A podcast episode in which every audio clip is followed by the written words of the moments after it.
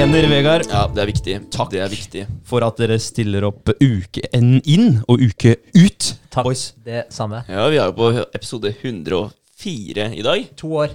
To fuckings To år. år, ass. To år på dypt vann. Føler dere at der, eh, vannet er litt lavere? Nei. Fortsatt langt opp til, Til halsen. Ja. S- Gurgler, smågurgler fortsatt lite grann. Ja, men det er sånn leppene går akkurat over vannoverflaten. eller sånn der. Ja, Så bare, Sugerør. Sugerør, ja.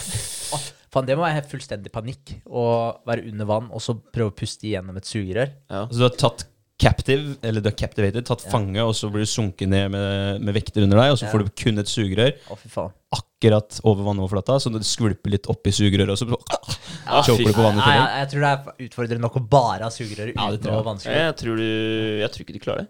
Nei, Det tror jeg ikke. Med mindre, du, med mindre det står om liv og død. Da. Ja. Så, så jeg, jeg vet ikke. Tror du du passer ut av for lite eh, oksygen? Nei, I du- prinsippet så skal du vel klare, kanskje, å bare puste dritsakte. Ja. Men jeg, jeg vet ikke. Det blir slitsomt. Du må klare å roe ned kroppen nå, da. Du Ja. ligger der og vet at du, hvis ikke jeg får til det her nå, så dør jeg. Ja. Ja. Jeg tror, eh, jeg tror jeg hadde drukna da. Ja. Ja, for å være helt ærlig. Jeg tror også jeg hadde druknet. Ja. Jeg tror jeg hadde klart det. Ja, du hadde klart det. Jeg hadde klart det. det. Det er fordi du har øvd så mye på sånn morellstenspytting, da. Ja. Jeg må si at jeg likte å få den, André. Det var liksom det du klarte å gi meg. Det På, bra. på farta så var det det jeg klarte å gi deg. Ja. Jeg, jeg, verst er at du sa du venta på det. Jeg venta på det òg. Jeg var spent på hva André kommer til å gi meg. liksom. Litt kontekst her. André sa uh, utfordre Berger intellektuelt. Utfordre André i en backflip, og utfordre Vegard i uh, Uh, Nei, det var ikke så lang pause. Ja, det var lang pause. Ja, for meg så Det satt jeg- her Ja. Jeg bare holdt tårene tilbake, liksom. Ja.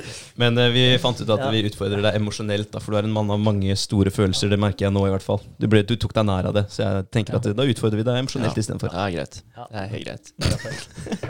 Nei, det er bra. Jeg likte den. Artig. Ja, artig. Men, eh, og kontekst til det igjen var at dere dypt vann eh, vurderer Nei da, vi, det var bare jeg som eh, hadde et spontant ønske om å ha livepod nede i sentrum et eller annet sted. Ja, På brygga eller bry...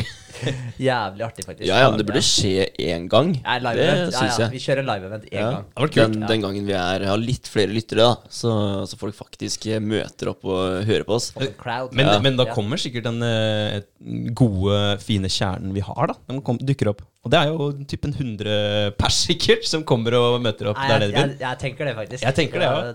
Ja, ja, men Da, da er vi jo ganske Da står vi ganske godt i det alt, da, tenker jeg. Ja. Så jeg tenker at det blir det neste event, da? Det er det neste helg. Å, shit, ass. Ja. Ja, ja, nå, er det der ute, folkens. Oh, shit. Så hvis noen uh, har et sted til oss, så møter vi opp, vi. Kjører på. Tar en utfordring. Ja, for all del. For all Ja, del. For all del. Vi, nå er vi jo fortsatt på dypt vann, og vi er eh, to år inn i det. Og, men det er noe med det å være på dypt vann nå. Da. Du blir jo litt mer vant til å være på dypt vann. Så ja, vannet kan kjennes litt lavere, men når du er på et litt lavere vann, så har du en tendens til å tørre å gå litt lenger ut igjen. da. Så du går hele tiden ut, litt lenger ut på, på dypet. Det er et veldig godt poeng. Altså, Mm. du vil jo hele tiden etterstrebe å ha noen utfordringer i det du driver med. Mm. Så hvis du merker at ting er for lett, da beveger du deg utover. Da må du bevege deg utover. Ja, Ja. du bør det.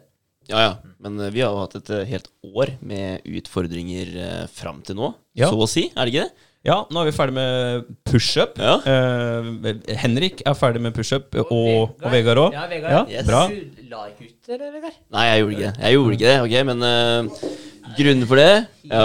Ja, men nå skal vi høre her. Nå skal vi høre her. Det driter i om du syns. Få høre, Vegard. Ja, altså jeg mener at er en person som eh, er stolt av det han har oppnådd, uten å dele det, får eh, like stor ære som den personen som eh, deler det. Ja, Mm. men Men den den ja. egentlige grunnen da, det var at jeg kom hjem eh, sånn i åttetida og måtte hive meg rundt og lage middag og dele glass vin med hun jeg Ja, så det er hennes Ja. feil. Så det er, Det er- er. Nei, jo, eller jo, kanskje. Ja, det, det er akkurat det jeg gjør. Ja. Gikk høyt ut, stupte ned, og så Ja.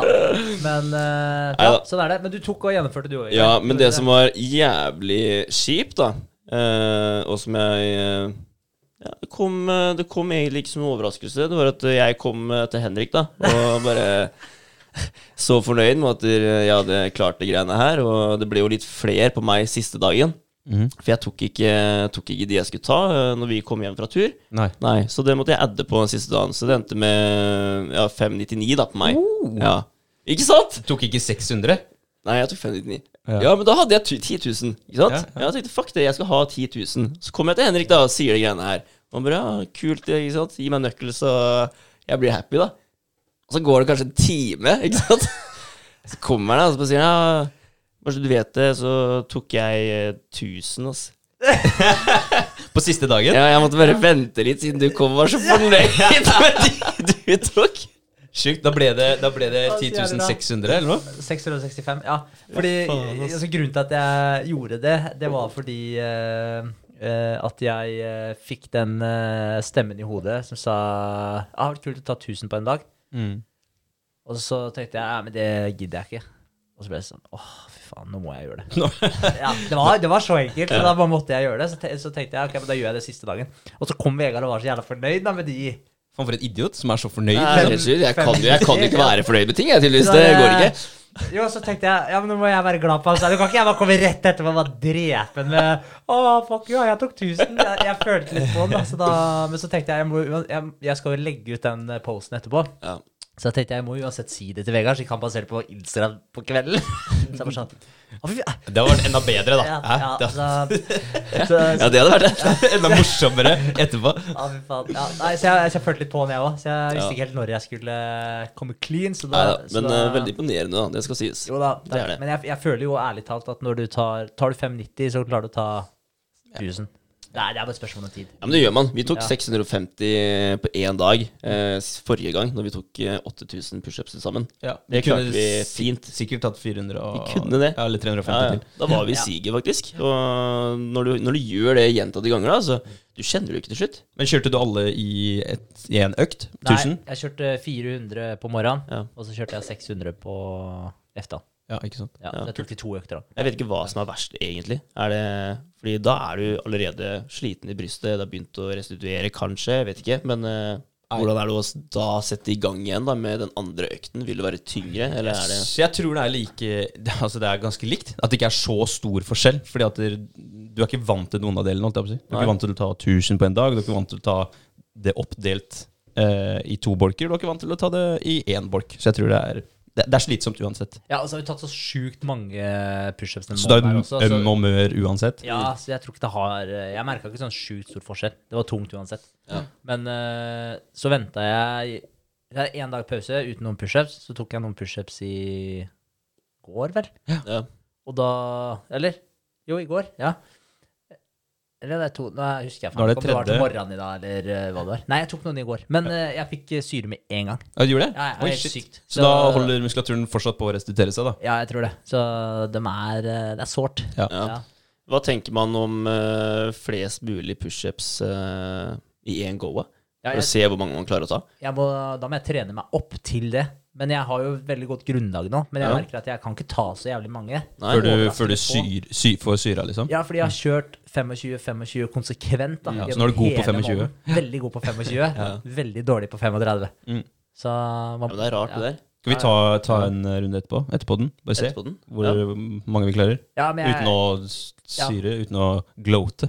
Ja, Ja, ja. vi må gloate litt, da. Ja, men jeg vet allerede at jeg ikke tar mange. Jeg tok til morgenen i dag også, for da var jeg på trening. Det, så nå tar jeg ikke så mange. Men jeg tenkte jeg skulle pushe meg oppover nå, faktisk øve litt på å ta mange. Mm. Og se, nå som, nå som jeg har det inne, liksom. Så Mm. tenker jeg, nå, det jo, nå må det være en kort vei opp til x antall. Mm. Jeg har en sånn magisk grense på typ 60, Mm. sånn fra, som har hengt ved meg fra inntaket til militæret og sånt noe. Mm. Fra, fra befalet. Og da, da var det rundt 60. Og den tror jeg ligger på ganske greit eh, fortsatt. Rundt 60. Jeg vil si det er ganske imponerende, egentlig. Ja, det er bra. For, eh, jeg er også veldig enig med Henrik. Altså, det med at du blir vane med det du tar. Mm. Og selv om man tar eh, 25, eller hva det skal være, gjentatte ganger, da, så, så blir du ikke seig nok til å ta så mange flere Nei. i ett et sett. da. Jeg merker det helt sjukt på det der, eh, altså tanken, da, hodet. Mm. Når du går inn for at det er 25 jeg skal ta, så blir du sliten på den 25. Ja, det er helt klart. Ja, Går du inn for å ta 30 eller 35, så blir du sliten på en av de siste i løpet av, i løpet av de. da. Det gjør du. Så det er, eh, det er veldig rart akkurat det. Ja, det er litt Ja, rått. Jeg har, jeg har trent mye spenstspesifikk trening med meg sjøl og med andre idrettsfolk. da, eh, Med atleter sånn type Sparta og, og Sarpsborg Lott og litt sånt. Nå har hatt noen spesifikke drills for de. Og det er ganske sjukt. Vi har kjørt noen sånne lengdetester.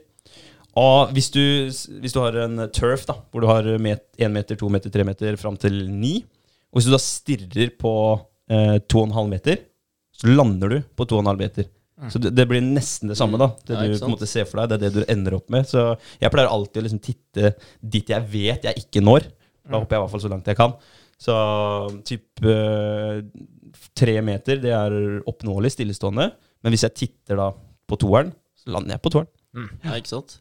Så det er ganske interessant. Ja, ja, men det går jo igjen, da. Altså, titt litt lenger enn eh, det du tror du klarer å hoppe. Sett deg litt høyere mål. enda litt lenger, ja. Ja, ja. ja veldig godt poeng.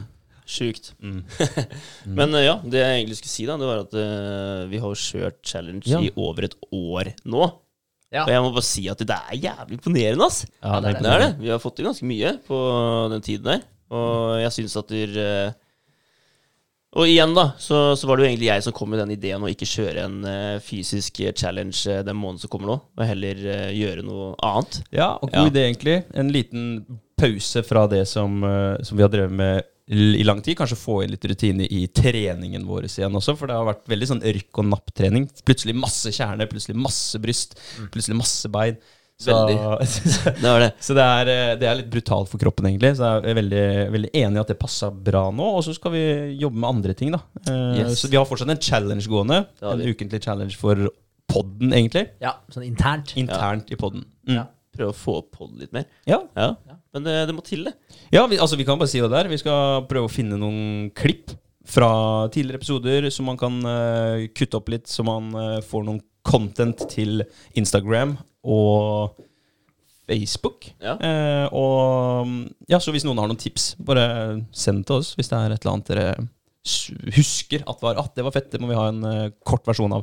Absolutt. Ja. Det Ja, ja. settes pris på. Helt klart. Yes. Det skal ikke sies at de, de challengene her er det slutt på. Det syns jeg absolutt ikke. For det er veldig viktig å få den, den eh, boosten man Ja. får eh, av den selvtilliten man får av det. Og faktisk klare å gjøre det man eh, sier at man skal gjøre. Da. Det er veldig kult. Ja. Det er det. Og det jeg tror faktisk, selv om vi tok så mange pushups som vi tok nå, så syns jeg faktisk at den planke-challengen vi har hatt, Har dere? det er en av de hardeste jeg har vært borti. Det mener jeg. Ja, Det mener jeg, altså. Ikke, absolutt ikke favoritten, men det er den som har gitt meg mest. Ja, ja, jeg, Ja. jeg, anser Jeg synes det er favoritten. favoritten. Ja. Ja. ja, jeg gjør det. Ja, du gjør det? Ja, Selv om den var helt jævlig. For jeg gruer meg til pain. det hver eneste dag. For, jeg ja, men Fordelen var at du fikk mye pain på veldig kort tid. Så du slapp å sette av på en, måte, en hel treningsøkt til å ta f.eks. pushups. Ja, Eh, ja, for pushupsen, seriøst, den ene økta holdt jeg på i én time og var det 50 minutter, eller? Ja. Og, Ja, ja. Det er jo sykt. det var helt sykt. Ja. Det, det, altså, det går ikke an. Nei, altså, nei det, det går en viss grense over hvor mye tid vi kan sette av til en challenge hver eneste dag. Ja, det gjør det, for det fucker jo faktisk litt opp for andre ting også. Men eh, jeg er helt enig, det var det som var veldig nice med den uh, plankechallengen. Den var helt brutal. Men den, den eh, hva skal jeg si, knuste mange vegger for meg, da. Eh, sånn mentalt, i forhold til hva jeg trodde jeg kunne få til. Og Ja. det var det som var så jævlig kult med den uh, utfordringa der. Ja, for du brøt liksom barrierer nesten hver eneste dag etter dag sju. Typ. Ja, noe sånt, Ja, ja, ja. Fordi da, da var du oppe i sånn to og et halvt minutt, og Mm. bare shit, nå går det ikke mer. Og så går det. Åh, nå går det ikke mer. Nei, Ja. så, nå gikk det igjen. Så du hele tiden satt nye eh, rekorder for deg sjøl Ja, som du ikke trodde du kom til å sette. Ja, det var helt sykt. Ja, det var helt vilt, så derfor er det favoritten, selv om det var helt sinnssykt brutal utfordring. Men det er jævlig kult, men jeg er helt enig i disse challengene. Altså, er det én ting det lærer deg, så er det jo at det, du kan få til det du vil. Og når du klarer å gjøre en ting som er så brutalt hver eneste dag i 30 dager, og så gjør du sånne type utfordringer gjennom et år, så er det sånn altså Ja, ja, bare bestem deg for noe og, kjør på. Det viser jo at du har evnen til å gjennomføre. Og å sitte igjen med den er eh, ja, veldig verdifullt bare i seg sjøl. Det er helt klart. Det er det. Ja. Så for det gjelder bare å være en eh, intern challenge, som vi sa nå, og gjøre det vi driver med, best mulig. Ja. Og så blir det kanskje sjøfling i november, da. Ja. Ja, vi må jo ha den sjøflinga, selvfølgelig. Ja, det er Favoritten klart. til Vegard. Ja. Sorry meg, ass, men jeg har bare ikke lyst til å stå og sjefle på kamera. Men eh, det er jo tydeligvis det som må til da for å Ja. Ja, Det er en ny barriere som man Ja, det er det. Ja. Ny vegg. det er det. Gi faen, liksom. Altså, jeg har jo skjønt det nå. At hver gang noen kommer med en, eh, et forslag jeg ikke vil, så må jeg bare late som at jeg syns det er jævlig kult. Ja. Ja, ja. Men eh, det er jeg som har eh, tema i dag, ass, boys. Å ja, er Det er det. Ja, det er meg. Kult. Ja, I dag skal vi snakke, om, eh, snakke litt om eh, etikk og moral. Mm. gjøre, Og hvorfor eh, vil jeg det? Det er egentlig fordi vi jobber hardt da, og mye med det å faktisk få det til. Altså få til noe litt mer enn det vi har gjort frem til i dag. Uh, og jeg syns det er viktig å snakke om hva etikk og moral betyr i det daglige, så vi klarer, så vi alltid klarer å ha beina planta på bakken. Eh, så egentlig uansett hva som vil skje med oss da på vår reise, eh, altså uansett hva som skjer, uansett hvor godt man gjør det, eller hvor dårlig man gjør det, så skal man klare å oppføre seg på den riktige måten uansett. Og det, det tenker jeg er veldig viktig, og det er mye jeg har tenkt på egentlig, med tanke på andre mennesker. da, Altså andre som har fått noe, folk som har jævlig mye cash, eller skuespillere, hva, hva enn det skulle være. da, altså Hvordan de fortsatt klarer å være så vanlige da, og normale. Ja, ja for det, det, er interessant, det greiene der. Og jeg, jeg har også tenkt mye på det hvis man eh, ser på sånne store bedrifter, corporations, så ser du at de, de lager så mange forskjellige produkter. Og mange av de produktene er jo ikke produkter som jeg eh, kan stå inne for sjøl og si at det her syns jeg folk skal bruke, eller det her skal folk spise spesielt. da, Hvis du ser på typ, store firmaer som Nestle, og, som produserer masse forskjellige produkter med enorme mengder sukker, da, prosessert eh, mat, så tenker jeg at det er jo ikke noe som eh, gjør noe godt for folk, egentlig.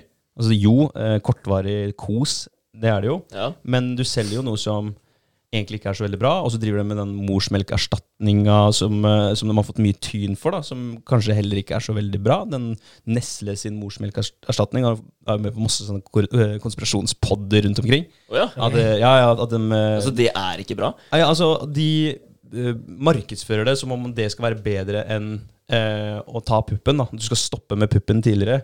Ja, ikke og, sant? og det er jo ikke riktig. Nei, det er vel Eh, og, da, ja, ikke sant? og da sier det seg sjøl at da er du litt på eh, en eh, etisk eh, Hva skal vi si eh, skeivstilling. Eller Ja, det på en en liten ubalanse der, ubalanse der. Ja. Ja. Og det med store firmaer, eller om det er som du sier da med, med folk med masse cash. Det er mange grenser man kan tråkke over, Mm. fordi man har muligheten, men som man da må ja, trå, trå litt varsomt ved, da, de grensene. Det er veldig vanskelig. Og det er ikke alltid lett da, å vite, vite når man faktisk tråkker over den uh, grensa der. Altså, ting kan gå fryktelig fort, og det er ikke sikkert du helt tenker over hva det er du gjør, før det er for sent. Det kan også fort skje. Mm. Det er det. Uh, men Unnskyld. Ehm, det er veldig viktig å ha det i hodet. Altså Selv om vi har vokst opp da i et miljø hvor vi får egentlig det her trykka ned i underbevisstheten vår siden vi er eh, fra vi er spedbarn, da, så får vi jo alt det her trykka i oss eh, mens vi vokser opp. Så er det viktig å ta det opp eh, innimellom, så vi ikke tar det for gitt. For det er, det er jo faktisk ting som, eh, som vi bare lærer av det rundt oss. Vi lærer på skolen osv., men man glemmer det, da. Man glemmer å tenke på det. Ja, men jeg, jeg tror at uh, i dag er at Jeg tror bare det blir viktigere og viktigere å ta opp det her med etikk og moral. Fordi uh, før så var det mye bedre inkorporert i samfunnet vårt. I forhold til at der, det var mange som hadde et mye nærere forhold til religion, kristendommen. Der lærer du jo faktisk om etikk og moral gjennom historier. Eh, mens det gjør du ikke. altså Du lærer ikke om etikk og moral på skolen på den samme måten. Og jo mer vi på en måte har skjøvet ut uh, religion, og vitenskapen har tatt plassen til religion, eh, det vitenskapen ikke tar for seg, er basically hvordan du skal oppføre deg. Etikk og moral er ikke inkorporert i vitenskapen. Nei. Så du kan se på vitenskapen kan du se på som en ufullstendig religion, egentlig. For religion også tar jo for seg vitenskapelige spørsmål, men ikke på den vitenskapelige metoden. Og, så, så jeg tror at i dag, hvis du ser på samfunnet i dag generelt, hvis du ser på den der popkulturen og hva som blir preacha, bare hør på mainstream musikk, hør på tekstene Altså, alt som blir preacha, skal være greit i dag. Det er, eh, det er mye man kan stille spørsmålstegn ved. Det er mye som ikke i utgangspunktet som jeg ikke anser som akseptabel oppførsel. Som er en, en respektabel oppførsel. men allikevel så blir du på en måte fortalt at du skal respektere det, du skal akseptere det. Mm. Så, så jeg tror det å ta opp det med etikk og moral og ha et bevisst forhold til det i dag, er Jeg tror bare det blir viktigere og viktigere, fordi igjen, religionen blir skjøvet så til sides. Eh, og det trenger ikke nødvendigvis være noe feil med det, men hvis man ikke tar med seg leksjonene fra religionen videre med seg, at man tar eh, At man ikke Hva heter det for noe? Eh, kaster ut At man kaster ut babyen med badevannet. Eh, Ja. det, ja at man tar med seg, tar med seg det viktigste, da. Tar med seg skjelettet videre. Men uh, hvis vi ikke gjør det, så tror jeg vi har store problemer. Og det, og det tror jeg ikke vi gjør i dag. Nei. Nei. Og så tror jeg en annen viktig eh, årsak til at der, linjene mellom type rett og galt og at der, etikk og moral eh, blir litt eh, underlært, eller hva jeg skal si, det, det forsvinner litt da, i oppveksten vår, er at vi fra før av så levde vi da i type klaner, stammer, familier, gårder, og så har vi, har vi da hatt et trygt et rammeverk da, rundt oss, med et lite samfunn. Og nå er det lille samfunnet det har blitt et enormt enorm verden som du har kontakt med via telefon eller hva det måtte være. At du har videoer som eh, beskriver handlinger som eh, kan være grufulle. da. Men så ser du det på en video, så blir det nesten litt sånn normalisert når du driver og sveiper opp og ned som en sånn amøbe. Som bare ser på at folk blir typ mishandla eller et eller annet sånt. nå. Ja, det blir underholdning. Det blir underholdning, Ja. ikke sant? Ja, ja. Og da blir jo skillene Altså disse rette strekene da, som skiller på hva som er rett og galt, de blir litt grann sånn diffuse, litt viska ut. Så jeg tror det at vi har den tryggheten ved å ha et litt mindre samfunn til å ha et veldig stort, åpent samfunn og en måte, liten verden å forholde seg til, gjør det vanskeligere for de som vokser opp i dag, da. Mm. Men, men hvis man er på vei da, altså til, litt mer bort fra eh, religion og det som holder etikk og moral i live, egentlig, da, hvis man er litt eh, på vei vekk fra det, så tenker man at det kan fade såpass mye ut at det forsvinner, eller vil alltid være med? Nei, ja, altså til en større eller mindre grad, da, men spørsmålet er jo egentlig hva du forankrer moralen i. Ja. Sånn, altså eh, Fordi det er jo den som eh, vil Det er jo egentlig det du forankrer moralen din i, som vil være med å diktere etikken din, som er med å diktere handlingene dine, og hvordan du mener det er riktig å oppføre deg i verden. Men det er veldig vanskelig å si, da, for det er forskjellig fra person til person og samfunn til samfunn. Og, ikke sant? Ja. Det er det jo. Så vårt syn på etikk og moral kan være ikke helt på jorda annerledes fra et annet land, men det er jo fors forskjeller der. Det er forskjellen. Definitivt. Eh, og det er jo altså Man kan se litt på det i forhold til hvordan en måte å oppføre seg på, den skal jo faktisk være bra for deg. Den skal være bra for deg og familien din. Den skal være bra for deg, familien din og vennene dine. Deg, familien, vennene dine og eh, si nabolaget ditt, samfunnet ditt, byen din, eh, landet ditt osv. Altså jo, jo flere ledd handlingene dine er bra for, jo bedre vil det jo være sånn helhetlig. Men problemet er jo hvis alle begynner å, å få litt eh, hva skal jeg si, et litt skeivt bilde på hva som er riktig og galt, og, og at mange går hver sine veier med de greiene her, og det begynner å bli kaos, og man ikke lenger har et sånn eh, skal jeg si, en sånn, et fundament som man er enige om at det her er den riktige måten å oppføre seg på, i anførselstegn. Altså det er retningslinjer da, for hvordan man skal oppføre seg. Ja. Så, så hvis ikke man har det felles fundamentet på plass, da har vi jo ingenting. Som et, da er vi jo ikke et samfunn lenger.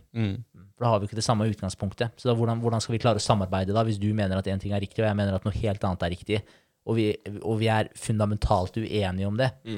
Da sliter vi. Ja, da har vi regler da, som, eh, som stopper oss da fra å gjøre, gjøre ting uh, som kunne vært skummelt. Hvis Ja. man uh, skulle klinsje helt. Ja, men mange av de reglene igjen er jo uh, forankra i eh, holdt jeg på å si, kristne verdier i Vesten. Yes. Ja, så, sånn at eksempel at der, individet eh, At individet er eh, suverent, da, at individet har suverenitet. At du er skapt, da, i anførselstegn, i Guds bilde.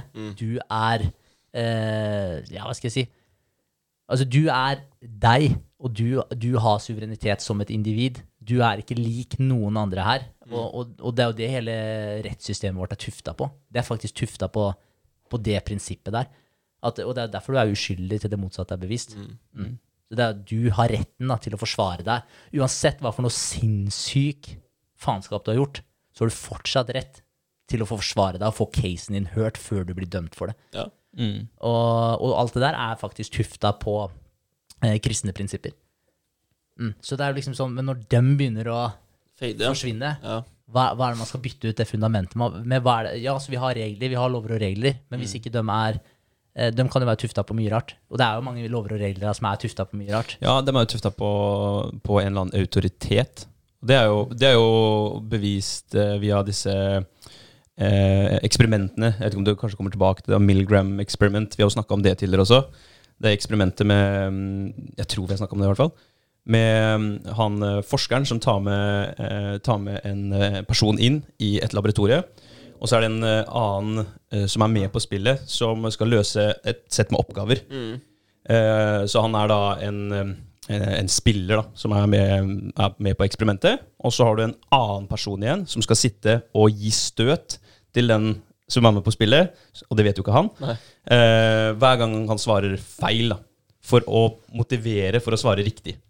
Og da hver gang eh, han svarer feil, så økes eh, volten i støtet fra, jeg tror det er fra 15 volt til 450, som er dødelig, da. Og, og den der forskeren som har, har ansvaret for, for eksperimentet, jo, eh, sitter jo bak han som eh, deltar, eller som sitter med, med knappen, og hele tiden sier 'kjør på'. Nytt støt. Nytt støt. Og du ser jo at der 90% av alle som er med her Jeg lurer på var Nei, 66% av alle som er med på det forsøket her, da, de vet jo ikke at det her er et, et, eh, noe kødd, liksom. De, de ga støt opp til den dødelige enheten med, med volt, sånn type 400 volt. Så 66% av alle som var med, dem kunne drept en fyr. Så hver gang de trykka på den røde knappen, eller eh, de som, eh, som, som var med på forsøket, trykka på den røde knappen, så ble det sendt ut et liksomstøt. Og så hørte de lyd og rabalder fra andre sida av rommet. Og så plutselig så sparka de i veggen på neste støt, og så var det helt stille på siste støt. Som antyder da enten typ koma eller at eh, personen var død. da. Så 66 holdt ut helt til eh, fyren eh, da kanskje var, det, var død. Det er så sjukt. Ja, er det han der Hva heter han for noe? Han mentalisten, holdt jeg på å si, som gjorde det så trikk... Eller gjorde Nei. de det, eller? Nei, nei, det er Nei. en studie, liksom. En okay, ordentlig, ja. Eller ordentlig studie. Jeg vet ikke hvilket, eh, hvilket eller hva studiet heter. Jeg tror det bare er Milgram Experiment. Ja. Eh, ja. Milgram Experiment. Og jeg tror det er en film på, på, på akkurat det forsøket nå, som har sånn type dramatisert eh, hele forsøket.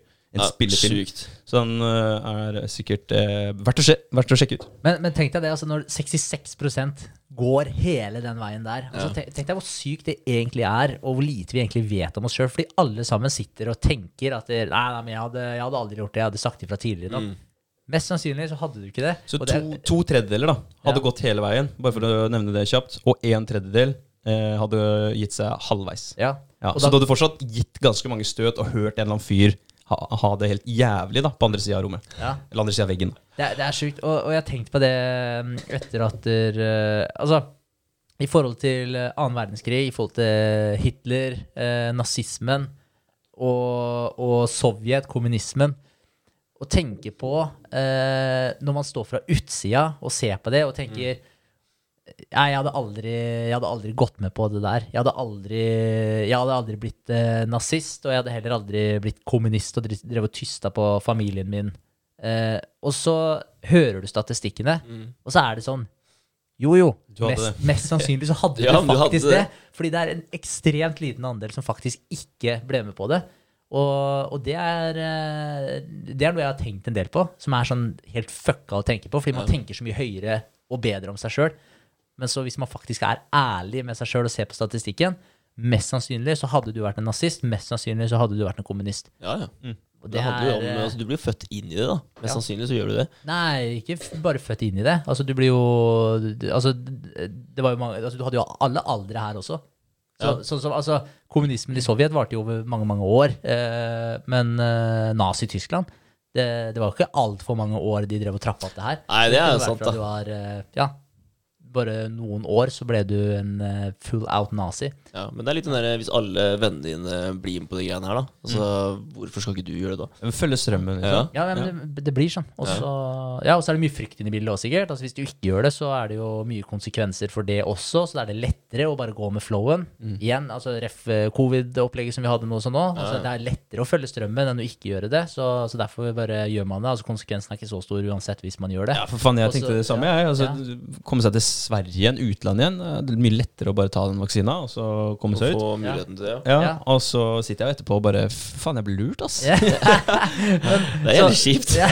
Det er jævlig kjipt. Ja, men så før, så før eller siden da, så, så er det sånn at du tråkker over en liten grense, og så tråkker du over en liten grense til, og så en liten grense til, og en liten grense til. Og, og så hadde du tatt steget fra Uh, A til Å med en gang, så hadde du aldri gjort det. Men ettersom du er innom B, du er innom C, du er innom D, det blir litt og litt verre hele tiden. litt som eh, dypere og dypere vann, som vi snakka om i stad. Ja, Altså, du, du bare sprenge grensene. yes. Det er en film som, nei, en uh, bok som heter No Ordinary Men. Ja. Uh, og den handler om uh, Det er en Jeg mener det er tyske soldater som er i førstegangstjenesten. 18 år gamle. Mm. De har aldri Altså, de kommer basically fra skolebenken. eh, og aldri selvfølgelig da drept noen, skutt noen, ingenting.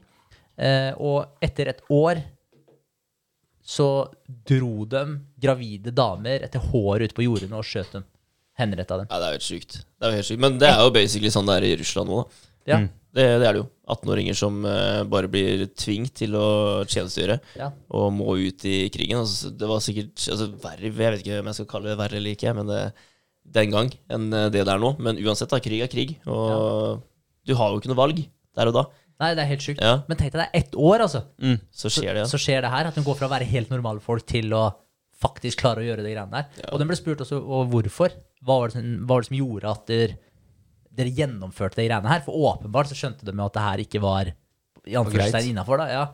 Eh, men de sa at det var pga. si, kameratskapet. Altså, hvis jeg For de visste at det her kom til å bli gjort uansett. Av noen andre. Yes. Ja. Så hvis jeg stakk og baila fra de greiene her, så måtte dere sitte igjen med dritten. Og derfor ble de. For å på en måte bære sin del av, av byrden eller lasten. For å ta Ja, ja, den er drøy, faktisk. For å ta en, en eh, en måte motstilling uh, til det, så eh, jeg leste om en, eh, en gjeng eh, fra Det var Nederland, når Nazi-Tyskland var i Nederland og herja der. Så var det en gjeng med, med Hva heter det når du er ikke opportunist, men du er eh, motstander, da, og gjør opprør, liksom, mot Nazi-Tyskland. Motstander, mot, motbevegelse Ja. Ja. i Nederland. Da var det en eh, liten motbevegelse som, eh, som brukte eh, unge, pene eh, nederlandske jenter til å, å lure med seg tyske soldater ut i skogen. Og nesten akkurat det samme som du forklarte nå, Henrik. Så de lurte med seg De var på pub.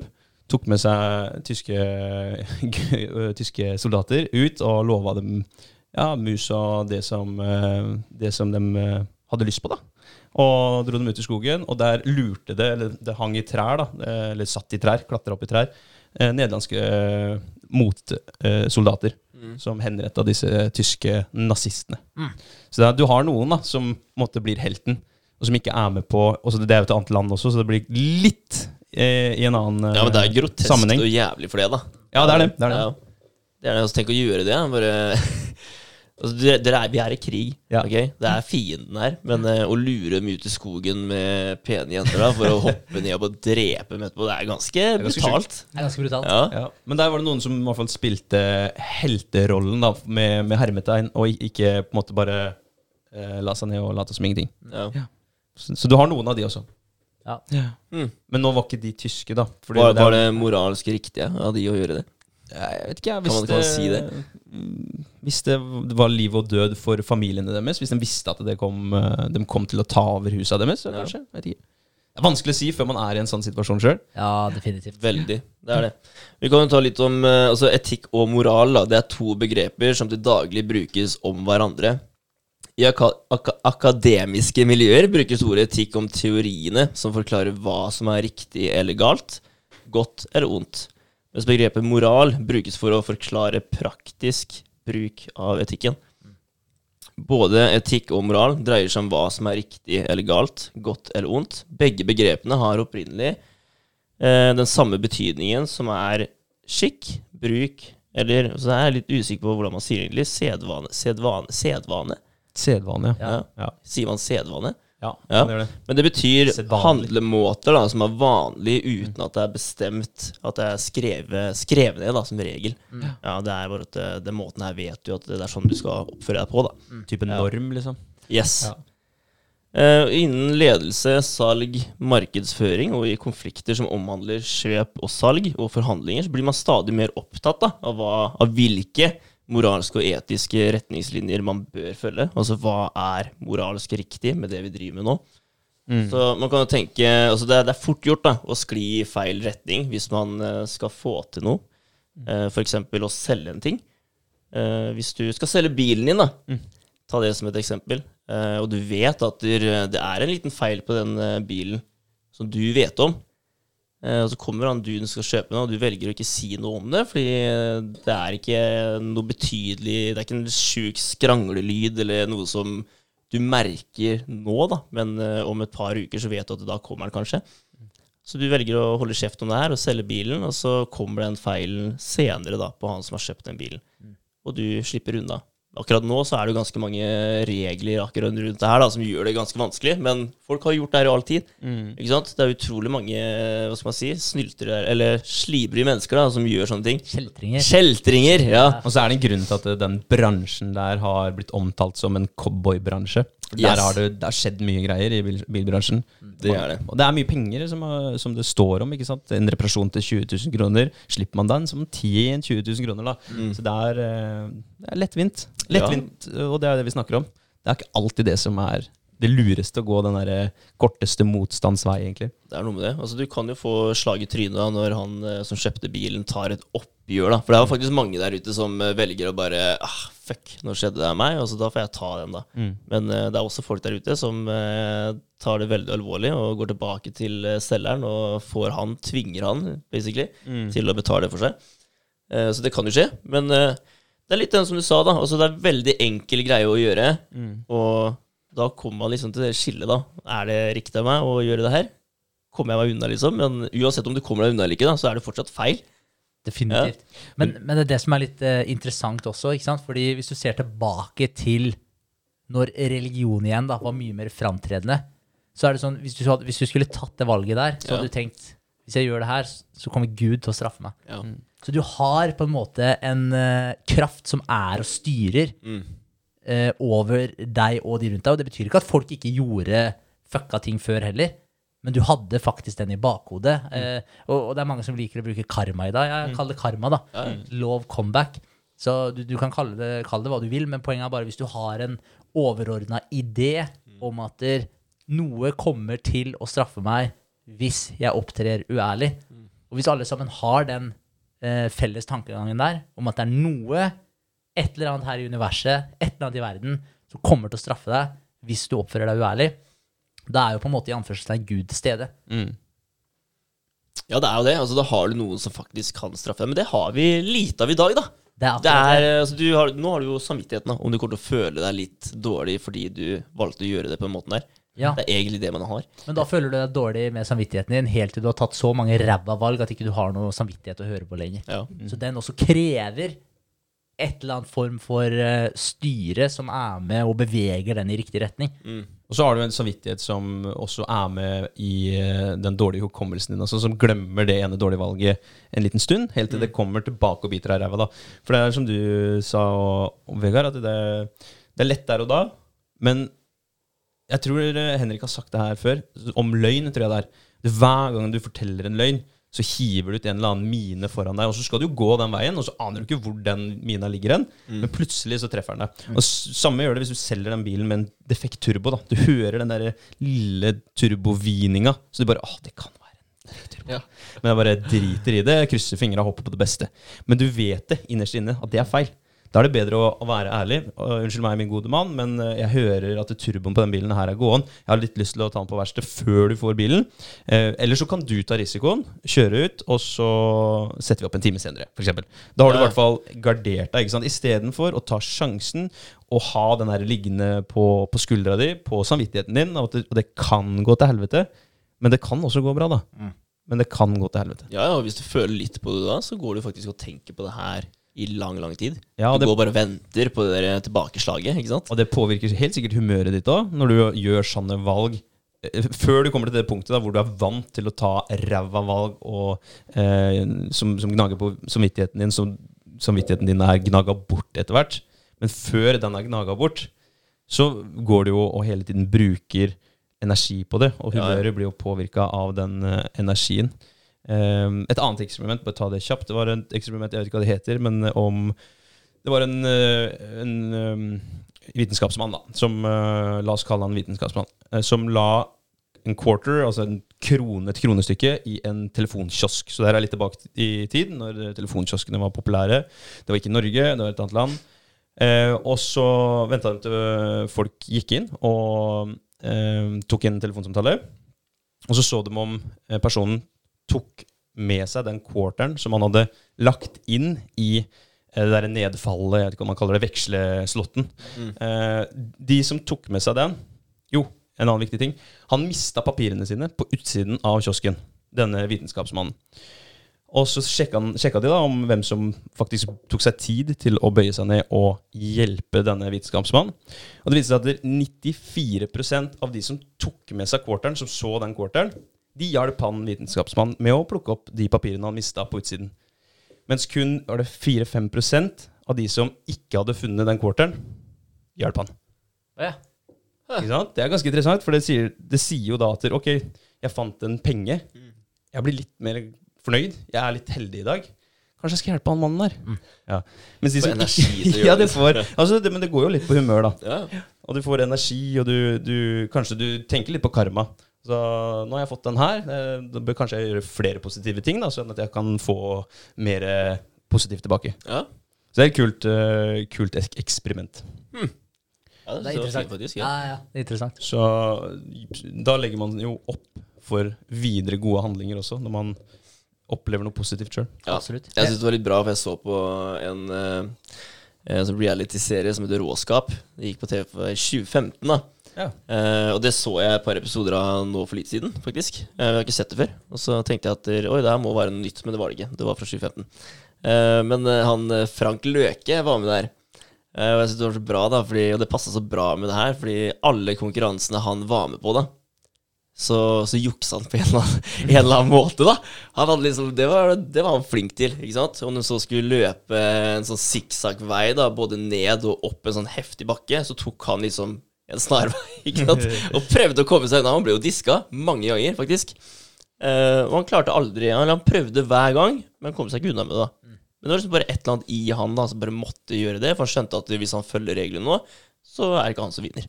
Ikke sant? Så trengte han å jukse. Ikke sant? Men det er, jo, det er jo en person du ikke vil ha noe særlig med å gjøre. Ja. Du, vil ikke, du vil jo ikke ha han på laget, du vil jo ikke spille mot han. Du vil jo egentlig bare ikke ha noe med fyren å gjøre. Du skulle ikke klare å opptre, opptre ærlig og redelig når, du Mm. har et, eh, når et spill foregår. Så ja, du det, det sier noe om deg som karakter. Han, det er fyren som på en måte abandoner deg når eh, skipet synker. da Han, eh, han hjelper, ikke, hjelper ikke til. Definitivt. Ja. Det er veldig sant. Men det er jo noe å tenke på, da. Som vi sa i stad, vi driver med business, da, eksempel. Eh, starte en business, og så får du en mulighet eh, til å gjøre et eller annet da, som, får, som gjør at du kan komme til eh, målet ditt raskere eh, ved å ta den eh, lille kalde gråsona da, enn det du ville gjort hvis du hadde gjort det på den ærlige og riktig eh, måten. Så er det nok mange som velger å ta den, og ikke tenke konsekvenser der og da. De ser på det som en god mulighet, kanskje. De, definitivt. Ja. Og, og det er det som er så Altså, hvis, hvis uh, gevinsten er så forbanna stor, så blir det jo ekstremt mye vanskeligere å være standhaftig og på en måte opprettholde den uh, forhåpentligvis gode etikken som du har fra før.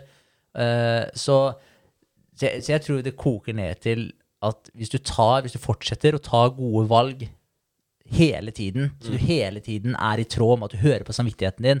Er det her det riktige å gjøre? Nei, ok, men da gjør jeg det ikke. Ja, ok, men da gjør jeg det.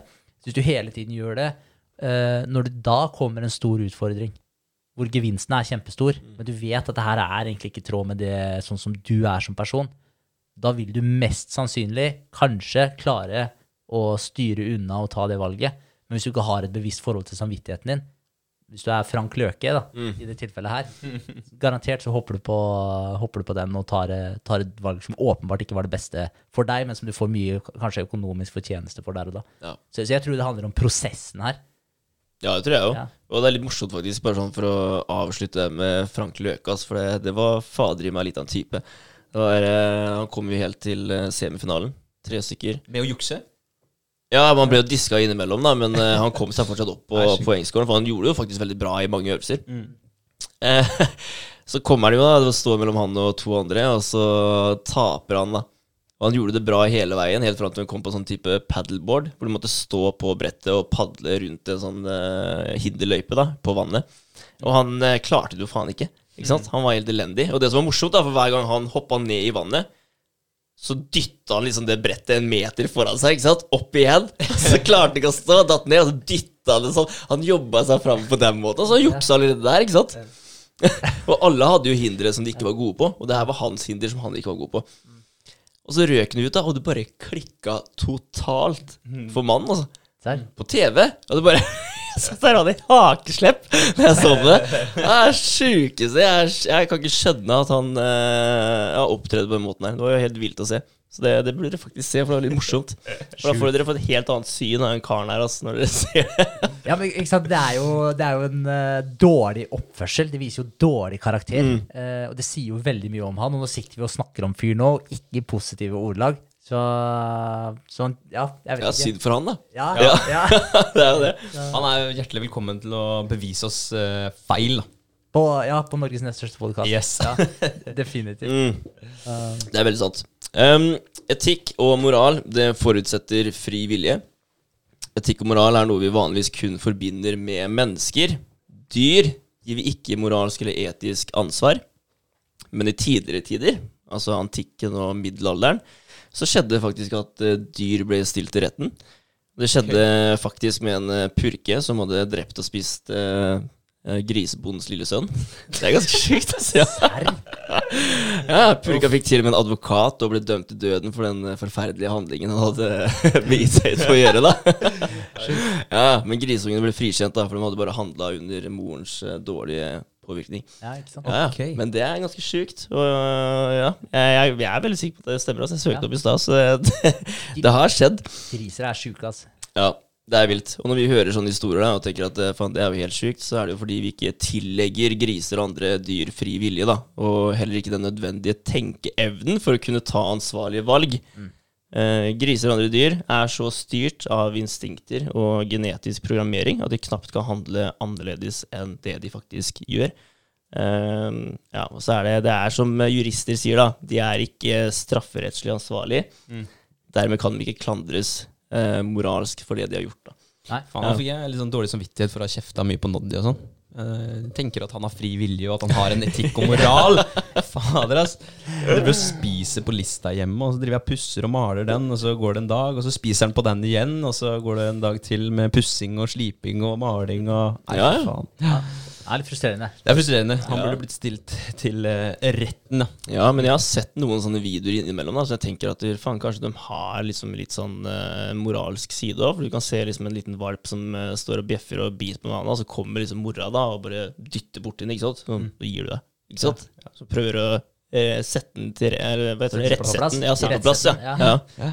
Så jeg vet ikke. Kanskje jeg er bitte lite grann der. Ja, men de eh, Det her er eh, Altså, min kjære samboer, som er veterinær, hun Ja. leser jo mye varsomt. Ja, hun leser jo mye atferd om dagen. Mm. Sykemeldt, så nå har hun mye tid til å sitte og lese. Ja. Og atferd er jo noe hun interesserer seg for innenfor eh, dyr, smådyr.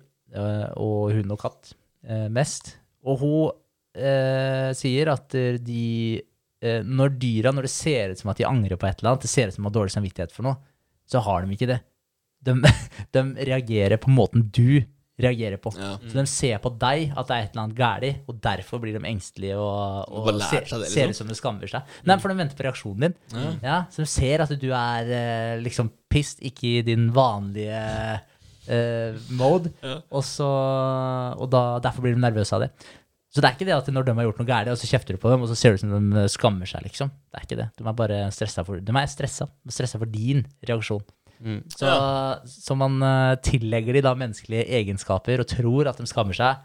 Så gjør de egentlig ikke det. De gir faen. Mye faen, ja. Ja. Men jeg syns fortsatt litt synd på han der kødden hjemme. Fordi han er, han er, han er, jo, han er jo sånn jævlig glad når eh, man kommer hjem. Så han får jo blodbenderen når eh, vi kommer hjem, liksom. Ja. Og har skikkelig ståkukling. ja. Og da når jeg kom hjem en gang, og han hadde liksom spist på skoene og sånt, nå, så blir jeg jo forbanna. Ikke sant? Så bare ah, nå de. Så ser du han legger seg på ryggen med den benderen, fordi han da, da ruller det rundt, da. Og så bare ah, sorry meg. jeg bare ah, nei. Kan ikke, jeg kan ikke stå og kjefte på deg mens du ligger og har den uh, stalker. Kos meg, da. sier jeg.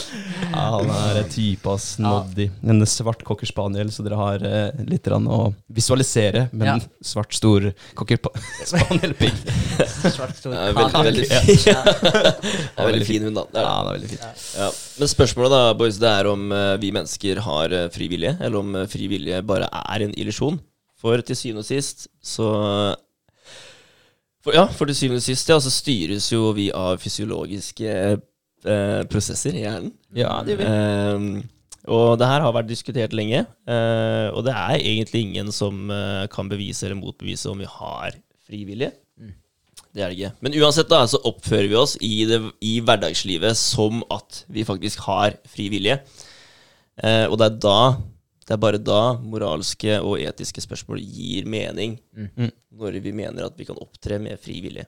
Ja. Det er det. Fordi det er sånn at eh, hvis noen Hvis du er slave, da, så har du ikke frivillige. Nei.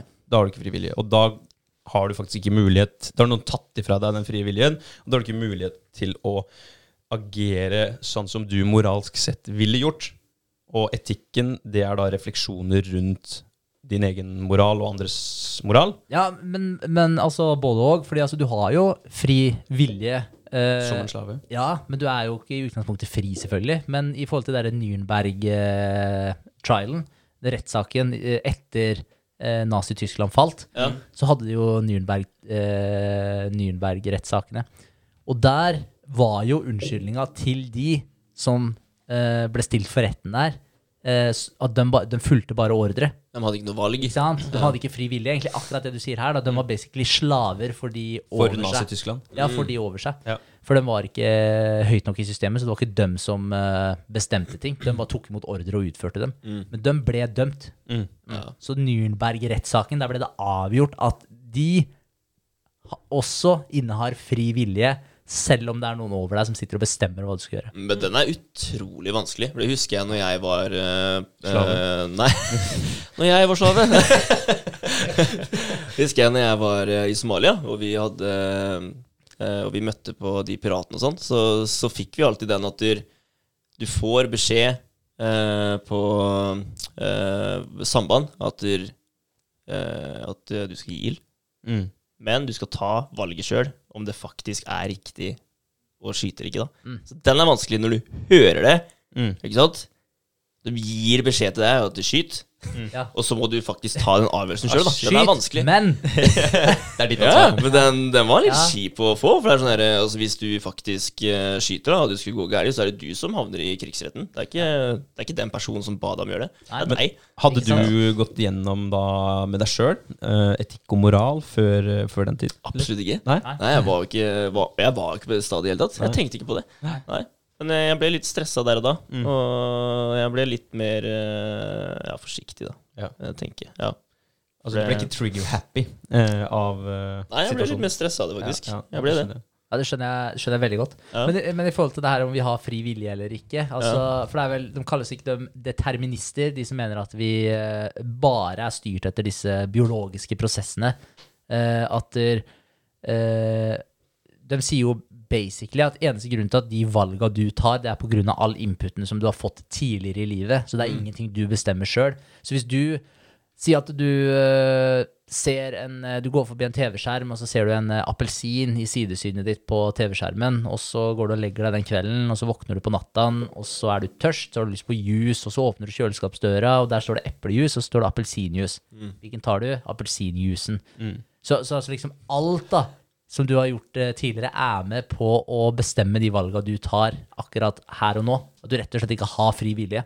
Eh, og jeg vet ikke om eh, Har dere sett eh, Åh, hva heter det for noe igjen, da? Nå står det stille for meg. Det er sånn, altså, det er et sånn rutenett eh, hvor du har definert reglene. Eh, det er et eller annet game. Game of life. Eh, en eller annet Game of life. Conway. Conways Game of life. Ok. Det her er jævlig fett. Eh, der er det Der har de et rutenett, Ja. og så har de noen få regler på det rutenettet her. Det er mye fetere å se det på YouTube. Mm. Eh, så gå på YouTube, søk på Conways Game of Life. Eh, der er det et rutenett. Så de har kun noen få regler som, som på en måte er med og styrer hele utviklinga. Så det betyr, så setter de ut en, en eh, random mengde med ruter. Altså rutene kan enten være på eller av. Så si hvis de er av, så er de døde. Er de på, så er de eh, liv. Svarte eller hvite? Svart, svart eller hvit. Ja. Uh, og det vil si at hvis du har Nå hus- vet jeg ikke om jeg husker alle reglene helt uh, nøyaktig, men det er som hvis du har en celle som er død, som har to eller flere levende celler ved siden av seg, Mm. så kommer den cella til live i neste step. Ja. Hvis du har en levende celle som kun har én annen levende celle ved siden av seg, og resten er døde, så dør også den cella i neste steg. Og så eh, Og da setter de ut eh, Det er et par regler til. Men så setter de ut eh, Ja, der, ja. Any Live Ja, en, lev, en hvilken som helst levende celle med mer enn tre levende naboer, den dør også pga. overpopulasjon. Mm. Mm. Så det er de tre reglene der som på en måte styrer hele det spillet her. Og så setter de ut x antall levende celler bare på et rutenett. Og så regner de ut det her, ikke sant? For hver gang, Du kan jo sitte og gjøre det her på et papir, da, men da ville du stått der til du var 195 000 år gammel før du var ferdig. Så, så de, de simulerer jo det her på en PC. Og det du ser, er at det starter som noen enkle geometriske figurer. Og så bare, jo flere iterasjoner du har av det spillet her, jo sykere blir sammensetningene da, av figurer og sånn. Og brått så begynner det å bli sånn, i anførselstegn, levende vesener. Det er romskip som kjører bortover uh, lerretet, bortover rutenettet, og basically treffer hverandre, og så skaper det nye romskip som går tilbake igjen. Og altså, det, bare, det utvikler seg helt sinnssykt. Så det viser da bare hvor komplekst noe kan bli, hvor komplekst et system kan bli, bare av tre simple regler. Og da kommer jo spørsmålet inn. Fordi du har jo strengteori og de greiene her, ikke sant? Hva som på en måte styrer eh, eh, atomene eh, og gir eh, alt vi ser, de egenskapene det har i dag. Og strengteorien det er jo at du har forskjellige vibrasjoner. Eh, det her kan ikke jeg i detalj, altså, den er langt, langt, langt ut på vann. Men, men eh, basically, da, du har forskjellige strenger som har forskjellige vibrasjoner. Og vibrasjonene på de strengene her, de bestemmer karakteristikkene, egenskapene på alt av kvarker og atomer osv. jo lenger oppover i systemet du kommer. Mm. Så spørsmålet da er hvis tre simple regler som de greiene der kan skape de komplekse mønstra og systemene som de gjør med x antall tusen iterasjoner, hva da hvis det bare er noen få eh, frekvenser disse strengene vibrerer på, som da er gjenstand for alt det vi ser i dag? Så uansett hvor på, i hvilken, på hvilken planet du er, eller hvilket system du er i, hvis du har eh, de strengene her som ligger til grunn, da, med de forskjellige vibrasjonene her, så vil du få akkurat det vi ser her i dag. Fordi det er deterministisk, ikke sant? Så bare etter så og så lang tid, så vil du ende opp med det vi har her i dag, uansett. Mm. Så hvis man starter med det på en annen planet, da, og får liv på den planeten, så vil den til syvende og sist bli helt lik som det vi er i dag. Da. Ja. Shit. Så, så, så, ja, og det er jo en, det er jo en ganske interessant tanke, og det er dritfett når du ser den der Conways Game of Life. Den, den anbefaler jeg seriøst alle bare å søke opp på YouTube og se på, for det er faktisk utrolig fascinerende. Men, eh, men ja, men jeg tenker uansett da, i forhold til det med fri vilje, eller om vi ikke har fri vilje, så tenker jeg jo at jeg, jeg vil ta et valg om at jeg har fri vilje. Fordi hvis jeg har fri vilje og sier til meg sjøl at jeg har fri vilje, da kan jeg faktisk påvirke framtida mi. Det er jo ingenting som er mer deprimerende for meg enn hvis alt er forutbestemt. Uansett hva jeg gjør nå, så er det ingenting jeg kan gjøre for å forandre framtida mi. Da er det ingenting som betyr noe av det du gjør i dag. Nettopp. Det blir alt meningsløst. Jeg, skjø, jeg skjønner ikke Sånn som når du hører på Sam Harris. Han, han mener jo det. Mm. Sam Harris. Ja. Ja, han er jo ja, er det, Deterministisk. Ja, ja, jeg tror det er det det heter. Deterministisk. Uh, så så jeg, jeg, jeg skjønner ikke hvordan du da klarer å leve på en eh, med håp for for framtida på samme måte som du ville gjort hvis du hadde fri vilje. Jeg, jeg bare klarer ikke å skjønne hvordan du klarer å å se Mot- på det på den Ja, altså måten. og- motivere seg for å fortsette, på en måte. At Ja. Det, ja, ja, det skjønner ikke jeg heller. Det høres veldig kjipt ut. Spesielt hvis du har havna i en situasjon, da. For eksempel du er syk, eller du har uh, mista jobben, eller Ja, nei, men det er bare det som skjer. Ja. Setter meg tilbake. Håper på det beste. Ja, Ja. ja, ja, så det Det er ikke noe vits i å jobbe videre. Nei. Nei, Nei. skal vi se.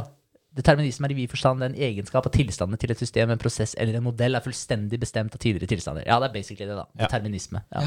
Ja, ikke sant? At det er bestemt. Ja. Det er av latin determinare, å bestemme, eller bestemme. Ja. Ja, men da har man ikke noe mening, da, egentlig. Nei, jeg, jeg skjønner ikke det. Nei. For, ja. for ut ifra det her, da, så er det altså i tråd med det å ha fri vilje, så forutsetter at eh, du skal både eh, enten ha livssynshumanisme, eh, og det er at, eh, det er at eh, du har livssyn som vektlegger, vektlegger etiske og demokratiske verdier slik de er formulert i menneskerettighetene, og som vil gi grunnlag for et men meningsfullt liv uten religion. Ja, Det er den ene, og så andre er kristendommen. da Eller religion. da At, der, at mennesket er et vesen som kan foreta egne og ansvarlige valg, og dermed ha fri vilje. Det er det det går ut i. kan du si dem en gang til? To ganger til? Si dem. Begge Ja, to en gang til. har, eh, Begge to en gang til. Ja. Li livssynshumanismen, Ja. som er et livssyn som vektlegger etiske og demokratiske verdier slik de er formulert i menneskerettighetene, og som vil gi grunnlag for et meningsfullt liv uten religion. Og kristendommen, at mennesket er et vesen som kan foreta egne og ansvarlige valg, og dermed ha fri vilje. Men alt er basically regler, da. Det er noe Ja. med Eller en guide da, for hvordan man skal leve og oppføre seg på best mulig måte. Men har man fri, fri vilje da, tenker jeg da? Altså, Man har fri vilje innen den ramma som vi snakka om i stad. Ja. Ja, men med en gang man kommer på utsida av den ramma, så har man ikke fri vilje lenger. Da blir du straffa, da. Ja, men det, er, men det er liksom Altså, i forhold til den ramma Vi må jo ha et felles rammeverk å operere inn under. Hvis ikke er det jo fullstendig kaos. Altså, hvis ikke vi har en felles eh, ramme å holde oss på innsida, så, så vil det jo være helt fullstendig kaos. Fordi vi har jo ikke igjen samme baseline. Vi har, vi har jo ikke samme premissene for hva som er greit å gjøre, og hva som ikke er greit å gjøre. Nei, da blir det kaos. Det, ja, det er akkurat det det blir. Så for å skape og, vi, og hvis det er kaos, så har man jo ikke Da har man ingen mulighet til å se framover og prøve å få til noe som helst, fordi man, man er nødt til å se veldig kortsiktig, fordi det er fullstendig kaos. Man må løse det som er umiddelbart foran deg. Yes, korrekt. Så hvis Men er det har, da man egentlig har frivillige? Da kan du gjøre akkurat det du vil, da. I Egentlig. kaos? Ja, i kaos. Ja, Basically, da. Men eh, det er, jo ikke, det er jo ikke for det bedre for noen. Det er det jo ikke. Nei, men du har jo Jeg vil jo si at du har fri Altså, du kan jo velge å gå ut og skyte noen nå også, hvis du har lyst til det. Men ja, du kommer til å få Mest sannsynlig så kommer du til å få en straff. Om ikke du får det av- staten, så kanskje du får det med samvittigheten din etterpå. Ja. Mest sannsynlig. Så, så altså, du har jo fri vilje. Da velger du bare å bevege deg utenfor det rammeverket, da, som enten er eh, retten eller kristendommen eller hva det måtte være. Ja. Så da har du tatt Ja. et valg. Ja, man har jo det. Så du, du har jo muligheten til å ta det, eh, det valget sjøl. Så, mm. eh, så ja, du har fri vilje. Men eh, spørsmålet er jo avhengig av hvilket land du er i. Eh, så er det jo eh, forskjell på hvor fri du er, hvor mye du kan uttrykke deg. Det er jo bare å se på alt kaoset som foregår i Iran nå. De har jo betraktelig mye mindre frihet enn det vi har her i Vesten. Mm. der hvis du har på Ja. deg hodeplagget ditt litt feil, så blir du slått i hjel. Stemmer. Det er sjukt. Ja, det det er, er sjukt. veldig sjukt, faktisk. Og der gikk er de i bikinier eh, for var det 50 år siden. Bikinier Ja. og sola seg, kosa seg og hadde det fint. Ja, det er- Ante ikke jeg at det, at det 50 var år sånn på siden? den Ja, det eh, er den det sjukeste kontrasten jeg har sett på lenge. Ja. Jeg ble helt sjokkert da jeg så det, faktisk. Ja, ja. 50 år siden. så var Søk, det en- eh, søk på Iran 1970, liksom, og bare Ja. sjekk om det kommer noen bilder derfra. Du blir sjokkert, fordi Ja. nå er det alt skal være tildekka. Damer får ikke lov til å bevege seg noe sted uten, uten oppsyn.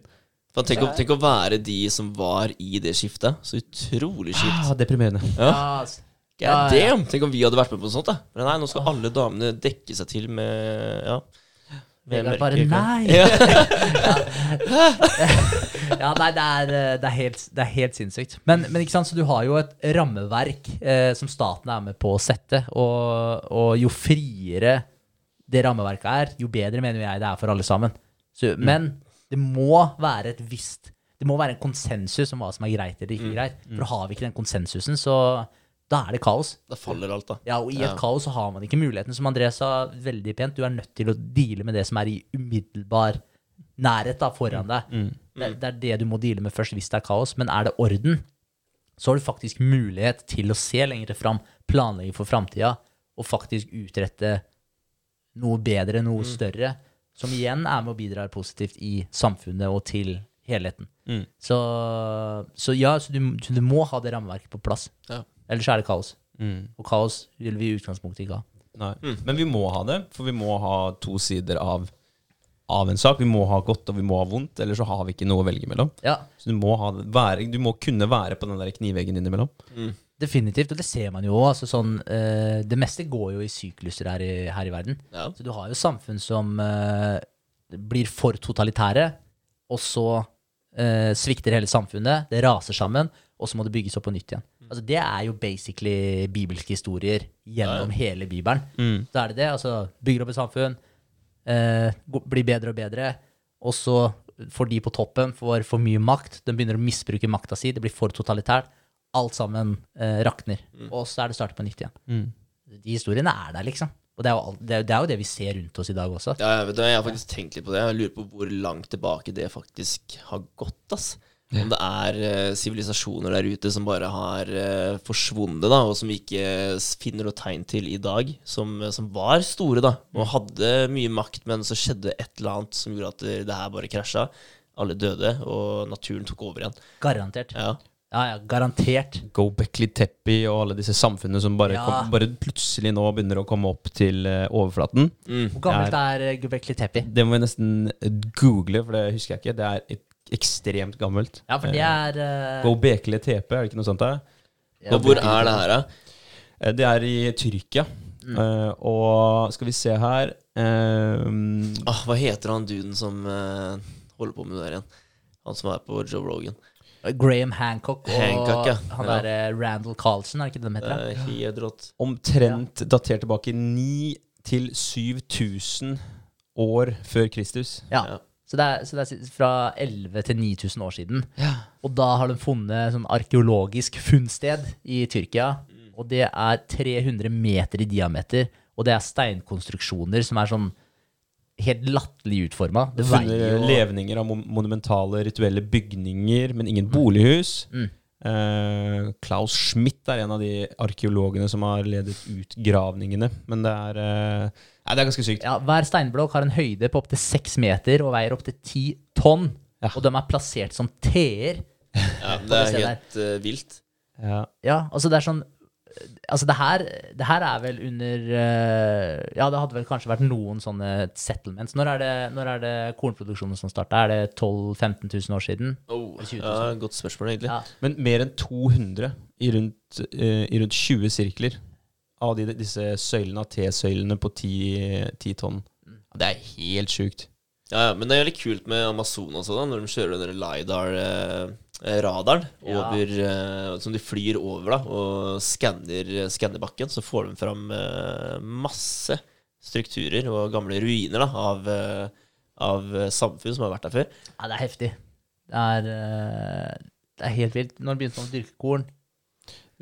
3700 år? Nei, det er i Norge. det er. Oslofjorden, Ja, da. ok, ja. Ja, det er i Norge. Men anyways, jeg, jeg har for meg at det der uh, gubekkelige Tepe-greiene Jeg har for meg at det var rundt når folk uh, Altså når mennesker fortsatt var hunter-gatherers. Så basically at du flytta deg rundt og jakta. Ja. Så det var ikke noen kjente sivilisasjoner på det tidspunktet. Så vidt jeg vet, da, men nå er jeg også langt på utsida hva jeg vet Ja, men hvis folk var på hunter-gatherer-stadiet, da, så hvordan skal man klare å flytte så svære stenblokker da? Ja, det er akkurat det. Ja. Hvordan i helsike får du til det? God damn, aliens som visste det! Ja, men det er helt sjukt. Så jeg, jeg tipper eh, det må jo ha vært eh, noen ekstremt intelligente sivilisasjoner tidligere også. Garantert. Se, se på Tsjernobyl.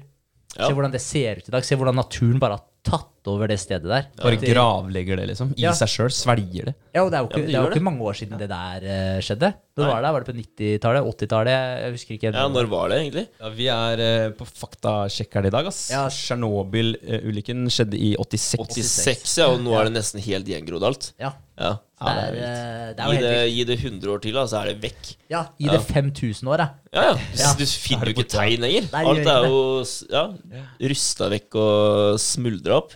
Så, ja, så det er ganske fascinerende. Men det også er noe folk burde se på, den der episoden på eh, Rogan Experience med Randall Carlsen og uh, Graham Hancock. Ja. Han er faktisk jævlig ålreit. Altså. Han Graham han liker jeg. Ja, Ja, fin, fin, er- fin figur. Ja, det er. Men det er ikke rart at man plutselig finner sånne perfekte skjærte sirkler i stener eh, osv. da, vet du. Tenk, eh, tenk eh, atomkraft eh, sånn som her, da. Den derre der atomen faktisk er. Den sjuke sirkelen der, liksom. Den er helt perfekt utskåret. Tenk hvis alt bare forsvinner derfra, da, og man kommer dit og spør Oi, damn, åssen klarte man å lage det på den tiden der? Ja, det må ha vært aliens. Ja, ja jeg tenker sikkert sånn da òg. Ja. Det er jo, de har jo funnet vaser og sånn i Egypt som vi ikke klarer å reprodusere i dag. Ja. Ja, for Vi klarer ikke å skjære dem ut. Altså, Vasen er større innvendig enn halsen er, og den er skjært ut av sten. Den er ikke den holdt jeg på å si, forma av eh, leire. Nei. Nei, ikke sant? Ja, det er Så, vilt. så, altså, Man det er- ja, man har funnet masse- batterier òg, i vaser. Batterivaser, eller som Ja. ser ut som en vase, bare at det er en form for um, kondensator da, som bare lader seg opp. da Stemmer. Nik Nikola Tesla han var sikkert inne på det. vet du. Ja, ja. Sikkert akkurat det samme greiene som han har holdt med, som, eh, som pyramidene var. Helt sikkert. Mm. Det tror jeg jo. Men uh, nok om Ja. eh, det. Fin liten skeier vi litt spin-off der. ut der. Jeg skal gi dere en liten, uh, liten Quiz. holdt jeg på å si. Ja. Hei. Se for dere at du er, du er blakk, ok? Eh, og du skulle så gjerne hatt penger til å kjøpe en eh, fin eh, bursdagsgave til eh, dama som du går og tenker på bortover gata der det går eh, litt trist og lei av livet fordi du absolutt ikke har penger. Eh, og så ser du en person da, som mister eh, lommeboka si, og registrerer at absolutt ingen følger med på det du gjør. Mm.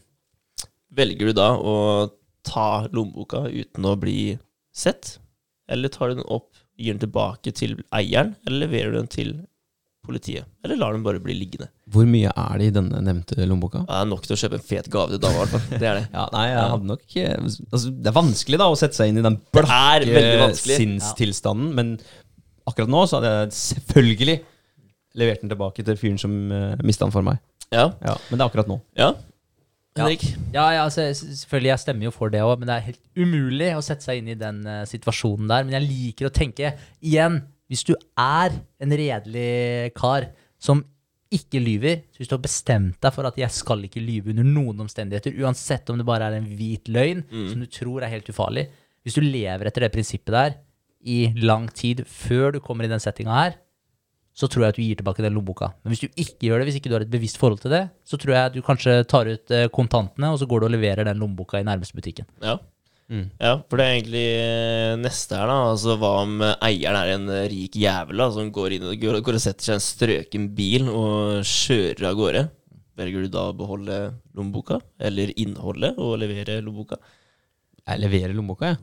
Regner med at han uh, gir meg en finnerlønn uansett, så da er det greit. Det kan, det kan en han gjør. Ja, ja. Jeg tenker at handlinga i seg sjøl er like jævlig uansett om den personen er møkkete rik eller ikke. Så selv om Ja. de har overflod av det, så er det jo du som fucker med din egen karakter av å faktisk stjele de pengene. Ja. Så selv om da taler argumentene enda mer for at det er i anførselstegn mer greit Ja. å gjøre det, men jeg tror det går eh, kun utover deg sjøl. Mm. Mm.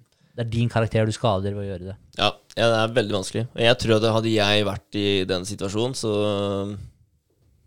Og det hadde vært en eh, rik fyr jeg hadde sett at han hadde mista lommeboka, og han hadde kjørt av gårde i den bilen, så tror jeg Jeg tror at jeg hadde tatt uh, i hvert fall noe av pengene. Hvis det hadde vært veldig mye penger, jeg hadde tatt noe av det for å få kjøpt den gava. Så Så hadde jeg gått til politiet og levert lommeboka og tenkt at vet du hva, han der har nok cash som det er, altså.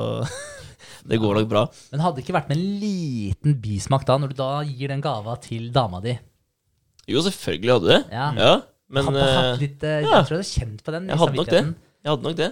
Men uh, da fikk jeg i hvert fall sett et uh, smil fra henne, da. Og så kunne jeg bare enten konfessa det om et eh, par år, eller bare gravd den langt ned. Ja. Ja. ja, men det er, det er en ærlig sak, eh, Vegard. Det er det. Så- Ja, Imponerende at du klarer å reflektere deg dit hen. Fordi jeg vil ikke tro, tro sånn om meg sjøl. Jeg, jeg, jeg, jeg vil at jeg i den situasjonen skal klare å representere den karakteren jeg har lyst til å ha i framtida, mm. Men øh, å ha bære i dag. Ja, Ja. jeg er også helt enig. Og jeg har faktisk tatt et valg etter at jeg begynte å høre på Jordan Peterson. Så i 2017 bestemte jeg meg for at jeg skal ikke lyve. Nei, okay. Ikke engang en hvit løgn. Hva, hva hvis det. kompisen din eh, står 20 meter unna og blir trua av to svære jævler, og så ser du at han løper, da, kompisen din, og så kommer han ene svære bort til deg da, og bare Øy, så du hvor han løp, Da, da hadde jeg ljugd. Ja, Ja, ja. jeg hadde det. Da var det riktig å ljuge. Ja, ja, det var moralsk riktig for deg. Ja, men jeg hadde, men jeg hadde syntes det hadde vært jævlig kjipt etterpå. Jeg hadde følt på det, faktisk, at jeg hadde løyet. Men selvfølgelig hadde jeg løyet, da. Men jeg hadde han følt på det. veien. Ja. Så, ah, faen! Han gikk dit. Han gjorde det. Ah. Sorry, Vegard. Men, eh, men ja, men jeg hadde følt på det etterpå, fordi det hadde på en måte brutt den eh, streaken. Hadde, det hadde vært like mye løgn for det. Men igjen, da hadde jo Jeg, jeg kunne jo ikke sendt dem etter kompisen hvis du ser at det var knivene klare og bare skal ta han. Så nei, da hadde jeg, da hadde jeg dratt en hvit løgn. Jeg hadde det. Jeg har snart hørt ferdig den podden med Andrew Tate. Og han hadde jo en sånn kompishendelse han snakka om. Ja. Ah, fy fader, den er jo bra. Det er jo ikke noe med løgn å gjøre, men det har noe med altså, konsekvenser. Uh, uansett hvem du er, om du er kompis eller om du er en ukjent. Ja, når han knocker kompisen din? Ja, Ja. ja, jeg kan ta den kjapt. Ta en recap ja. En liten recap på den. Ja, det var, han var hos en uh, dame som uh, åpenbart hadde type, eller nettopp hadde hatt type, var i et eller annet diffust forhold. Han og en kompis, da. En tidligere kompis. Og så kommer han da ekskjæresten på døra, hadde med seg en hel gjeng. Rulla opp to SUV-er, tror jeg. Og hadde jeg tror det var hamre, og de hadde masse verktøy i, i henda. Og banka på døra da og skulle få med han eh, Andrew Tate, da. Som er eh, eks Eller da var han sikkert eh, verdensmester i kickboksing. Nå er han jo eks. eh, fire ganger, fem ganger eller noe sånt nå. Og han eh, Ja, han skulle liksom si unnskyld, og de krevde en unnskyldning fra Andrew Tate. Men det, det nekta jo han, så han sto der med Det var det med hendene bak ryggen eller noe sånt nå, bare for å late som han hadde noe, i hvert fall. da For dem var jo jeg tror det var seks stykken, Ja. og de var to. Og så begynner han eh, kompisen å, å bli litt eh, shaky.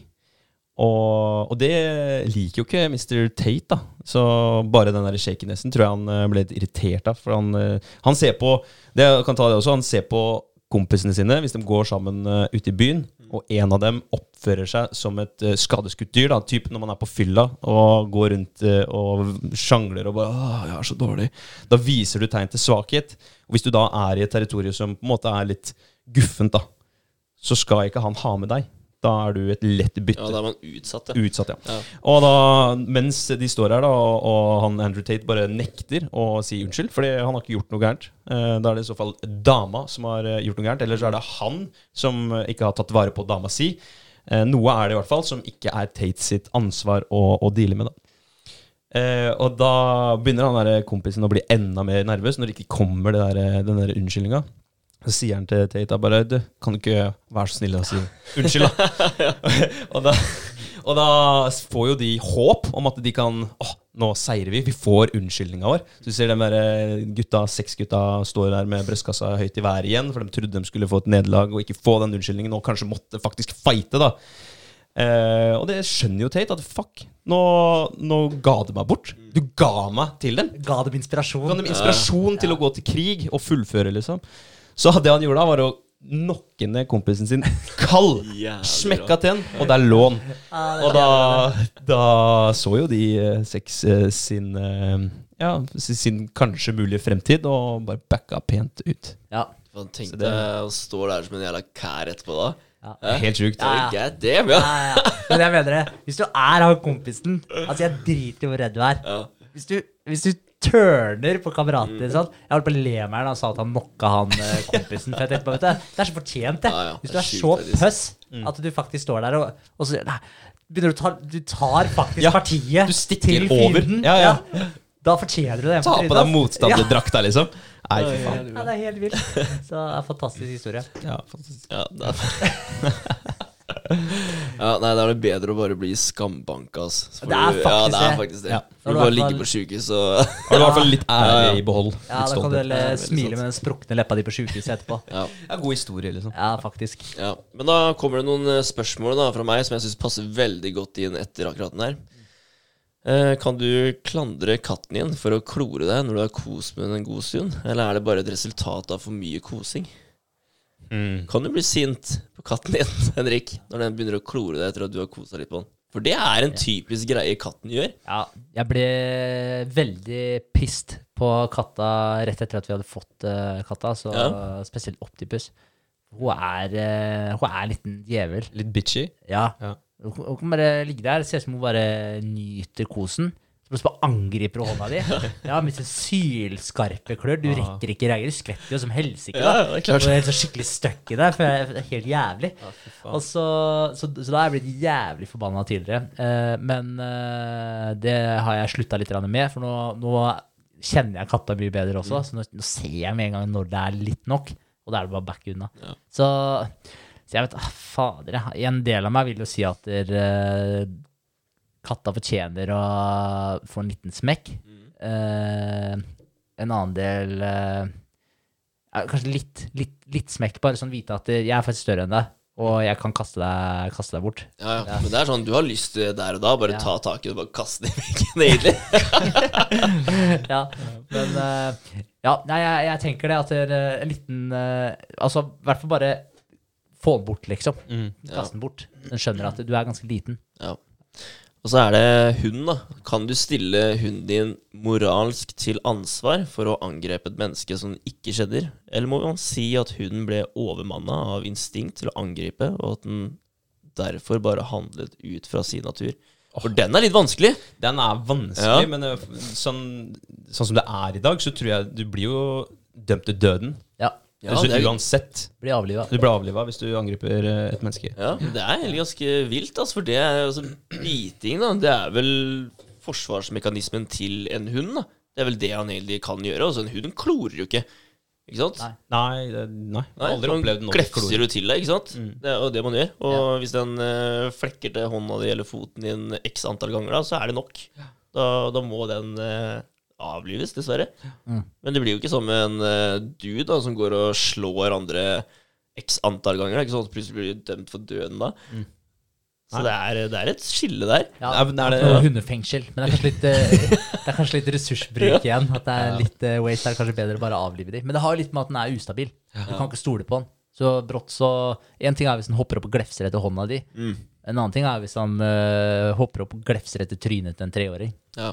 Men ustabil, altså du har jo ustabile mennesker også. Ja. De blir jo sendt bort, de blir jo ikke drept. De blir jo på en måte tatt enten i fengsel eller sendt på eh, hva heter det, mentalsykehus, holdt jeg på å si. På, Ja. Det har vi vel ikke lenger, typ?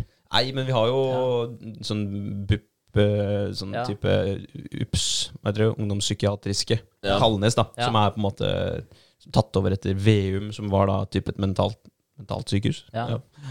Så, så man gjør jo det med ustabile mennesker, men man gjør ikke det med ustabile hunder fordi de ikke har fri vilje. Mm. Så da må man heller bare Ok, fuck deg, du har ikke fri vilje, så vi skyter deg. Ja. Fordi du reagerer med instinktene dine, som bare ligger dis- inscripta i deg. da Ja. Um, Det er litt, det er litt uh, spesielt, da. ja. Egentlig. ja. Jeg så en, det eh. Det gir også litt mening. Ja. Ja. jeg så en serie som heter De farlige.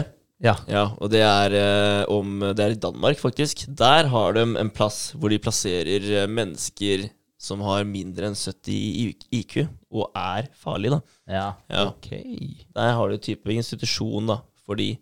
Eh, og det har jo steget betraktelig da, de siste åra, med antall eh, innsatte, hvis man kan kalle det det. Mm. Og det er litt den derre Litt den der at verden blir bare mer og mer kunnskapsrik. Så hvor skal man da gjøre av de som ikke fyller opp til noe nytte, da? Mm. Ja, Og de den er litt fucka. Ja, fordi skillet er mye tydeligere i dag. Ja. Fordi de Altså, de som har eh, Hva, hva er snittet-IQ-en? Er det 100? Ja, det tror jeg er 100. Ja. Ja. Så, så siden det er 100. Og så har du de som var litt under snittet, eh, og Altså rundt snittet, pluss minus snittet, før hadde gode funksjoner i samfunnet. Jordbruk, type skjøving og sånt Ja, noe. kunne Ja, ja. hjelpegutt og sånne ting, ikke sant? Yes. Ja. Mens i dag så blir ofte de Du mener hjelpegutt? Men i dag så blir de eh, jobbene der erstatta av eh, roboter. Ja. For det er, det er ofte enkle jobber å automatisere, og da forsvinner jo dem. Og da sitter du igjen med mer komplekse jobber som da de ikke kan deale med. Mm. Og da havner de på utsida av samfunnet. da. Ja. Jeg var bra. Jeg hørte faktisk det her om dagen om en eh, fyr da, som eh, hadde hatt det som jobb. En litt enkel fyr. Og han drev og kosta et område rundt et eh, sykehjem. Eh, men så tok de fra han den jobben, og han mista jobben. Fordi de mente at der, eh, ja, han passa ikke inn lenger. da Så det var ikke noe vits å ha han her, rett og slett. Men han bare, han fortsatte jo bare å komme på jobb. Så hver dag etter det, og så fortsatte han bare å komme og koste. Ja. Så til slutt så, så ga de han bare tilbake den stillingen, da. For det, det ble jo ikke kvitt den uansett, og han gikk jo og kosta, så det var jo greit. Det er også en måte å beholde jobben Ja, ja. Det syns jeg var jævlig bra, faktisk. Herlig, bra. Men, men det er litt sjukt å tenke på, fordi i forhold til folk med 70 IQ, hvor Mm. stor forskjell det er på hva disse menneskene faktisk klarer å gjøre. Ting som vi tar som en selvfølge. Ja. Som er så heldige og er utstyrt med en eh, hjerne som fungerer bedre enn som så. Ja, ja. For det er sånn uh, uh, Han ene fyren skulle pakke brev og bilder i konvolutter, og fikk den stillinga her som Det var gjennom en sånn Nav- Nav-opplegg. og så skulle da brette disse breva og bildene, og så skulle det sendes til forskjellige land. Så det han fyren her måtte gjøre, han måtte da passe på at han bretta eh, arket på, sånn at det ble ganske jevnt i kantene, sånn at det fikk plass nede i konvolutten. Og hvis det var et bilde med, så måtte han passe på å ikke brette bildet, sånn at bildet ble bretta. Så han har ganske enkle føringer for de greiene her. Men hvis han feila på det her, sånn at han ikke klarte å brette det jevnt nok, så ikke du fikk eh, brevet ordentlig ned i konvolutten, så ville konvolutten bygge litt mer i tykkelsen, og da ville den sette seg fast i brevmaskinen etterpå. Sorteringsmaskin. Ja. Så, og han fyren her, han klarte ikke å gjøre den jobben. Nei. Det, det er for komplekst for fyren å brette sammen disse arka uten å brette bildene og få det jevnt i kantene. Det er litt vilt, da. Det Ja. er jo noe en på barnehagen kan klare å få til. Ja, ja, Ja. sånn serr. Og, og da er det sånn, ok, men hva gjør man med en sånn person i samfunnet? Hva slags jobb skal den eh, personen utføre? Og hvor ubrukelig føler du deg ikke da når du får en jobb gjennom Nav, du får ikke betalt, Mm. Og så får du sparken fra den jobben? Ja, det er trist. Sånn som den kostejobben nå. Ja, ja. Hva, hvordan føler du deg etter at du har fått sparken fra de greiene der, liksom? Ja, det er sykt. Men det som var litt sjukt med den institusjonen i Danmark òg, da, det var at der, eh, hvis du først ble satt inn eh, satt, Der forsvant kameraet. Ja. Ja, hvis du først ble satt inn der, da, Ja. så, så var du der i fem år. Fra, og så måtte du framfor rett igjen. Og de skulle da ta en avgjørelse på om du var skikka nok til å komme ut. Om du har Eller fått ikke. mer IQ, da, eller? Ja, altså hvis du er en For det var jo faktisk drapsmenn der. Som var De, de blir jo kalt funksjonshemma alle sammen. Du blir egentlig kalt det hvis du har en IQ under 60. Ja. Ja. Ja. Ehm, og de hadde femårsperioder, da. Og det var jo typ ingen som eh, ble skikka nok til å komme ut igjen. ikke sant? Så får du bare fem nye år, da. Og du bare vet det, ja, at du Kommer jeg ikke gjennom her, så er det fem nye år. Og så er det fem nye år. Og så er det fem nye år. Da Og du, fyller det seg opp, da. Ja, ja. Det hadde gått fra Jeg husker ikke helt eh, hva det var, men han reporteren han hadde vært der for eh, 15 år siden, da, og da var det 37, og nå var det over 100. Oh, shit. Ja, så det fyller seg opp, da. Det som også var litt kult, var at det, Eller kult, det er feil å si. Det som var litt sjukt, da, var at det, det, var, flere der som mente at de var satt der på feil grunnlag. grunnlag da. Ah. Ja, for han ene sa at der, Altså, jeg dret meg på fylla, liksom, og kom dit og tenkte at nå spiller jeg dum. Å ja. Ja. ja. Og så havna han på institusjon. Han altså, hadde jeg havna i fengsel, så hadde det vært tre måneder, og så hadde jeg vært ute igjen. Jeg har vært her i over fem år. så han bare Han sa til reporteren du må hjelpe meg. Altså, der, der ser vi jo Da går vi tilbake til det vi snakka om i stad, med løgn. Ja, ja. Altså, da, da, se, altså. da ga han seg sjøl noen ufattelig dårlige kort. Ja, hvis det det. stemmer, da. Ja, hvis det stemmer. Det kan jo være løgn, det òg. Det er jo, ja. det lett å, å si når man er i fengsel at de, Nei, jeg gjorde faen ikke det greiene der. Nei, det er veldig sant. Ja. Eh, Et spørsmål til, da. Eh, Blir en hund mer moralsk av å bli dressert til ikke å angripe fremmede mennesker? Eller ikke å begynne å spise før man sier 'vær så god'? Eller handler, handler dressur om noe annet enn moral? Og det snakka vi faktisk litt om i stad, så vi skjønte jo det at det, det er bare trening. Mm. Ja, Mm. basically. Så er det jo det, da. Det er bare trening, det. Ja. Jeg, jeg, jeg vil ikke si at jeg han noen gang har tenkt på når jeg har dressert Noddy. Han kan jo det der. Han kan vente på maten, og han kan Han er en snill gutt, liksom. Og jeg har aldri tenkt at der, Å, nå får han en bedre moral. Jeg har ikke tenkt at han har den eh, Hva skal man kalle det? Ferdigheten eller traiten eller den eh, delen av seg da, som har, eh, har moral eller Ja, ja, kunnskap nok til å faktisk eh, skjønne hva det er. da Jeg vet ikke, Åssen er det egentlig? Altså, Har, har, har hunder kunnskap? Jeg tror ikke de har kunnskap. Jeg tror ikke de, har muligheten til å de har tenke. kunnskap nok da til å skjønne at der, hvis han gjør den tingen der, så får han, får han en treat. Men liksom er det kunnskap, eller er det instinkt? At det er bare sånn programmert inn? At det, ok, jeg Du skjønner et mønster. Ja, det er et mønster, rett og slett. Det var Ja. egentlig godt poeng. Vi får sikkert høre det her igjen av Sofie etterpå den, tenker jeg. Ja, det er nok mye mulig. Det Ja, det gjør vi nok. Fordi jeg tenker at det er først og fremst instinkt. Det å få mat, finne mat, gjøre det samme igjen for å få mat, finne mat igjen. Så hvis den hunden hadde vært fri, da hadde den gått til et, eh, i et bestemt område av nabolaget eller jungelen og funnet mat, så hadde den gått tilbake dit neste gang. Og det samme er det med dressur også. At der, ok, jeg gjør de greiene her for å få den matbiten. Mm. Ja, jeg vet ikke. Kanskje. Så er det siste. Kan vi snakke om dårlig moral? Eller er det her uttrykket selvmotsigende fordi ordet moral impliserer god moral? Er ikke jo moral både, både og? Er ikke det rett og galt? Det er jo egentlig rett og galt. Det er rett og Ja, galt. Eller ja og nei. Ja. Ja, jeg, jeg, jeg, Ondt og tenker godt. også, ja, jeg tenker også det. At eh, det er eh, rett og galt. Men altså, jeg kan jo, jeg, man sier jo at du har dårlig moral. Han har dårlig moral. Mm.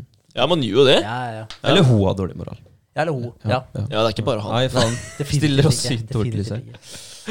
Nei, jeg funker ikke. Ja, ja. Men eh, det var basically det jeg hadde, oss, eh, boys. Boys, Det var det det. var, eh, kult, da. Ja. Etikk og moral. Det er deilig å få en litt sånn påminner. Og spes spesielt å bli stilt de spørsmåla her. Fordi eh, Ja, det var mye dyr. da akkurat Mye dyr. Mye dyr. der. Det var, Ja. ja. Men det, det går, det går bra. sammenligner oss med hunder, liksom. Vi, ja, vi er jo dogs. Oh, oh, oh. Ja. Nei, men vi fikk jo noen spørsmål om lommebok og, og litt sånt nå. Det får en til å reflektere. da Så neste gang jeg finner en eller annen penge på bakken, så tenker jeg på Vegard, og så tenker jeg på den podden her. Og så Ok, nå skal jeg være bevisst på det valget her, og la den gode handlingen bare styrke karakteren. Ja, jeg skal filme det, ass. Ja, og legge det at jeg YouTube. legger, At jeg leverer det politiet, og så skal jeg legge det på YouTube. Gjør det. gjør det Film den gode handlingen din. Jævlig bra. Men, eh, men i forhold til det her med å lyve, Mm. har dere noe, tatt noe bevisst valg på det? Hva, hva tenker dere om eh, løgn? Jeg har aldri tatt et bevisst valg på at jeg aldri skal ljuge. Jeg har vel bare blitt oppdratt til å ljuge minst mulig. Hvis det Ja, og så det å, å faktisk ha gjort det, da. Og skjønt sjøl at du, eh, nå fuck. graver jeg min egen grav, liksom. Og Ja. det her burde jeg ikke gjøre en gang til. Ja. Ja, Det er mye erfaring med det å ljuge. Det er Ja. mye erfaring. Jeg tror nok eh, at når man har bikka 25 eller nærmer seg 30, Mm. så har man gjort seg opp nok erfaringer til å skjønne at ok, det her kommer til å bite meg i ræva. Jeg tror ikke jeg har tenkt Um, jeg, jeg tenkte mye over det når vi snakka om det her med miner den gangen. Bare fy faen, det er så sant, det. Selv om man tenker at det er en hvit løgn. Typ den derre standardløgnen som nesten alle i hele verden eh, som har venner, gir ut. Den derre ikke svarer helt konkret på eh, et spørsmål om å finne på noe, da. Hvis man faktisk er sliten og bare vet hva, jeg orker ikke å gjøre noe i dag, så sier man heller at nei, jeg skal det, eller jeg, jeg kan ikke fordi jeg skal. Og så skal man egentlig ikke det. En sånn tullete ting. Fordi man bare ikke tør å innrømme at jeg vil ikke finne på noe med, eh, med deg i dag. Nei, Noe som egentlig er helt Ja, det er helt greit Ja, å si. ja, Det det er men, men, men når man var ungdom, da, så var det nesten litt sånn flaut og tabu. Ja. For da var ikke du med på ting, og du var han som sa nei, og ikke sant? Ja, det er veldig sant. Det er jeg faktisk blitt mye flinkere til uh, de siste åra. Sånn, Ja. og er og det er ikke en- lenge siden liksom, at jeg har blitt flinkere til det. Ja, og det er jo en hvit, uskyldig løgn. Men det er jo ikke vits i å ta den. Fordi da, kanskje da, dagen etterpå Så bare Ja, var det fint hos mormora di? Så bare Nei, jeg var ikke hos mor... Jo, jo, jeg var hos mormora mi, ja. ja. Det var fint. Ja, ja, ja, Da, da blir du den dysten, da. Definitivt. Og det er jo problematisk. Altså Hvis den uh, kameraten som du da har ditcha, Mm. hvis den finner ut at du har ditcha han uten at du bare sa at du var sliten, Ja. som dere også sier, som hadde vært helt greit i utgangspunktet, men når du ikke sier det da, så blir du busta for det etterpå, Mm. Så er det en ripe i lakken, altså. Skikkelig. Ja. Og da er det tillit igjen, da. Er det han du spør neste gang? Er det han du tar med deg når du skal gjøre et eller annet? Er det han som stiller opp for deg? Ja, hva annet ljuger han om? Ja. Man tenker Ja. det med en gang. Men det er også veldig fort gjort da å komme i en situasjon hvor, hvor du ljuger. da Sånn at ah, fuck, jeg skulle, ikke, jeg skulle gjort det, liksom. Ja, ja. Men eh, det å faktisk komme og si etterpå da, at Hei, dude, nå gjør jeg faktisk. Ja. Bare sånn eh, opplysende om det, da. Og Ja. bare si at eh, faen, eh, det gikk for fort for meg, så jeg tok en løgn nå. Ja. Ja, og det det- her er egentlig det, det jeg skal. Ja, det, altså, det er jo enda Jeg mener det er nesten enda mer redelig, for da har du faktisk gjort det mye vanskeligere for deg sjøl. Så det er jo en større greie Det er enn å vanskelig faktisk òg, da. Ja, det er kjempevanskelig. kjempevanskelig. Ja. Men, Ja. men altså når jeg bestemte meg for å, å på en måte ta et bevisst valg med at nå skal jeg ikke ljuge under noen omstendigheter igjen. Mm. Og altså jeg har jugd etter det. Misforstå meg. Det er ikke sånn at jeg bare tok et valg, og så har jeg bare vært feilfri siden av det. Ikke i det hele tatt. Men, men, ja, men, uh, men det jeg la merke til, er hvor mye jeg faktisk løy. Sånne små hvite Ja. løgner som jeg ikke tenkte over engang. Altså jeg, jeg tenkte når jeg gikk inn for det her, at der, jeg, jeg ljuger nesten aldri uansett, det spiller ingen rolle. Jeg hadde masse hvite løgner som, som ikke betydde noe særlig i det hele tatt, men som var usannheter. At du vrir litt på sannheten, som, eller, ja, som er minst like mye løgn som å, som å faktisk fortelle en straight up løgn. Og ofte for å tilfredsstille den du eh, snakker med der og da. Ja, Eh, bare for, ja, har du, eh, har du gjort det? Ja, jeg gjorde det i stad. Og så har du Ja, ikke det er gjort. gjort det. Ja. Ja. så Nei, så, så bare prøv å tenke på det de neste ukene som kommer. Tenk på det, og så bare prøv å Prøv å inngå en avtale med dere sjøl. At ok, nå skal jeg ikke ljuge noen ting, og se hvor lang tid det tar før dere drar en liten hvit løgn. Mm. Det er, faktisk, ja, det er ja, faktisk det er veldig morsomt da, å prøve det. Det er jo en ja. challenge, det, da. Ja. Når neste gang Henrik spør om vi har uh, hørt på noen klipp, eller leta etter noen klipp, Ja. da må vi svare. Eh, ja. Vi holder på. Ja. Jeg har leta, da, men jeg har ikke satt noe klipp ennå. Det er jeg ikke, Nei. faktisk. Uh, nei, nei, men det. Har du det satt klipp? Jeg har ikke leta ennå. Jeg må gjøre det nå. Det er jo første Leta, uka i oktober nå. Jeg bare Ja. på podden, liksom. Det er Det er, Ja, det er jeg leta. Ja, ja. Så, men, det, men det er faktisk interessant, og det er vanskeligere enn man tror. Mm. Men da er det sånn, for jeg ble faktisk satt eh, virkelig på prøve den gangen. Det har jeg sagt til dere også denne gangen på jobben. Mm. Eh, når, ja, jeg, hva skal jeg si, veldig kort fortalt, da, så satt det en sjef og basically eh, kalte meg for en idiot. For han visste ikke at det var jeg som hadde vært med og gjort en, en mm. sak. da. Mm. Uh, som jeg egentlig ikke hadde noe skyld i i det hele tatt. Men jeg ble dratt inn i et fora som jeg ikke skulle ha vært i. Og da sa jeg noe som en kunde ikke skulle visst. Og så gikk den her uh, rundt på bruket, og så endte det opp hos han sjefen, som basically sa ja, hvem faen er det som har sagt det? Han må jo være helt idiot. Og så kommer det en annen sjef høyt opp i systemet og bekrefter det han sa. Bare ja, herregud, han må basically være helt tjukk i huet. Og så sitter jeg i møte med disse tre sjefene, og, og to av dem basically hadde kalt meg en idiot. Hadde det ikke vært for at jeg bestemte meg for å ikke lyve noen ting i 2017, så hadde jeg aldri turt og sagt i den settinga der at der, eh, ja, folkens, den idioten var meg. Mm. Og så forklarte jeg hvordan det var, og det løste hele problemet. Ja. Akkurat der og da. De ble helt satt ut og var sånn Å ja, ah, ok, ja, men herregud, det her kunne jo ikke du noe for i det hele tatt. Det er ikke din skyld. Den fikk jeg med en gang. Hadde jeg gått ut derfra uten å sagt det, Du hadde følt deg helt jævlig. ja, og så hadde jo de fått høre det her etterpå, garantert, da, at det var der i det fora det her ble sagt, og så hadde jo de tenkt Å, faen? Hvorfor sa han ikke noe? Jeg sa at du kalte han en idiot jeg, i det møtet der. Ja.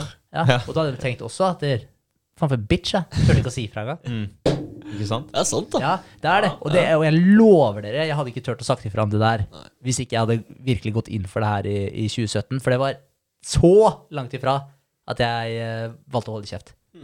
Mm. Mm. Så jeg tror at når du faktisk virkelig blir satt på prøve, så gagner du mye ved å være Eller å ha jobba med det en stund. Ja. For kommer du til stykket da, og, da, og du da skal ta det vanskelige valget, så tror jeg du feiler uansett. Mm. Det kan godt hende jeg feiler når jeg får det vanskelige valget nå uansett, men det er større sjanse for at jeg ikke gjør det. Mm. Du har øvd da på å ikke ljuge. Ja. Så det er ikke refleks for deg å bare ja, begynne å si et eller annet som ikke er sant i det hele tatt. Mm. Og det er bra. Så jeg hele tiden øver på å gjøre det som er riktig, og som gjør at du slipper de der store repercussions som eventuelt eh, kommer i etterkant. Definitivt. Men, eh, men ja, test det. Prøv å være bevisst på det, og se hvor lang tid det tar før dere drar den lille hvite løgnen. Mm. Okay. Hei, jeg heter André. Jeg skal ikke ljuge fra nå. Ja, det samme gjelder eh, Vegard. Ja. Jeg skal heller ikke ljuge. Det er bra. Bra, å boys. si feil navn, nei! ja, ja, Skal vi runde der, da, eller? Vi gjør det. Gjør Bra, det. bra jobba, Vegard. Takk for i dag. Artig. Takk for i dag. Takk for i dag. Hei jo. Ha det.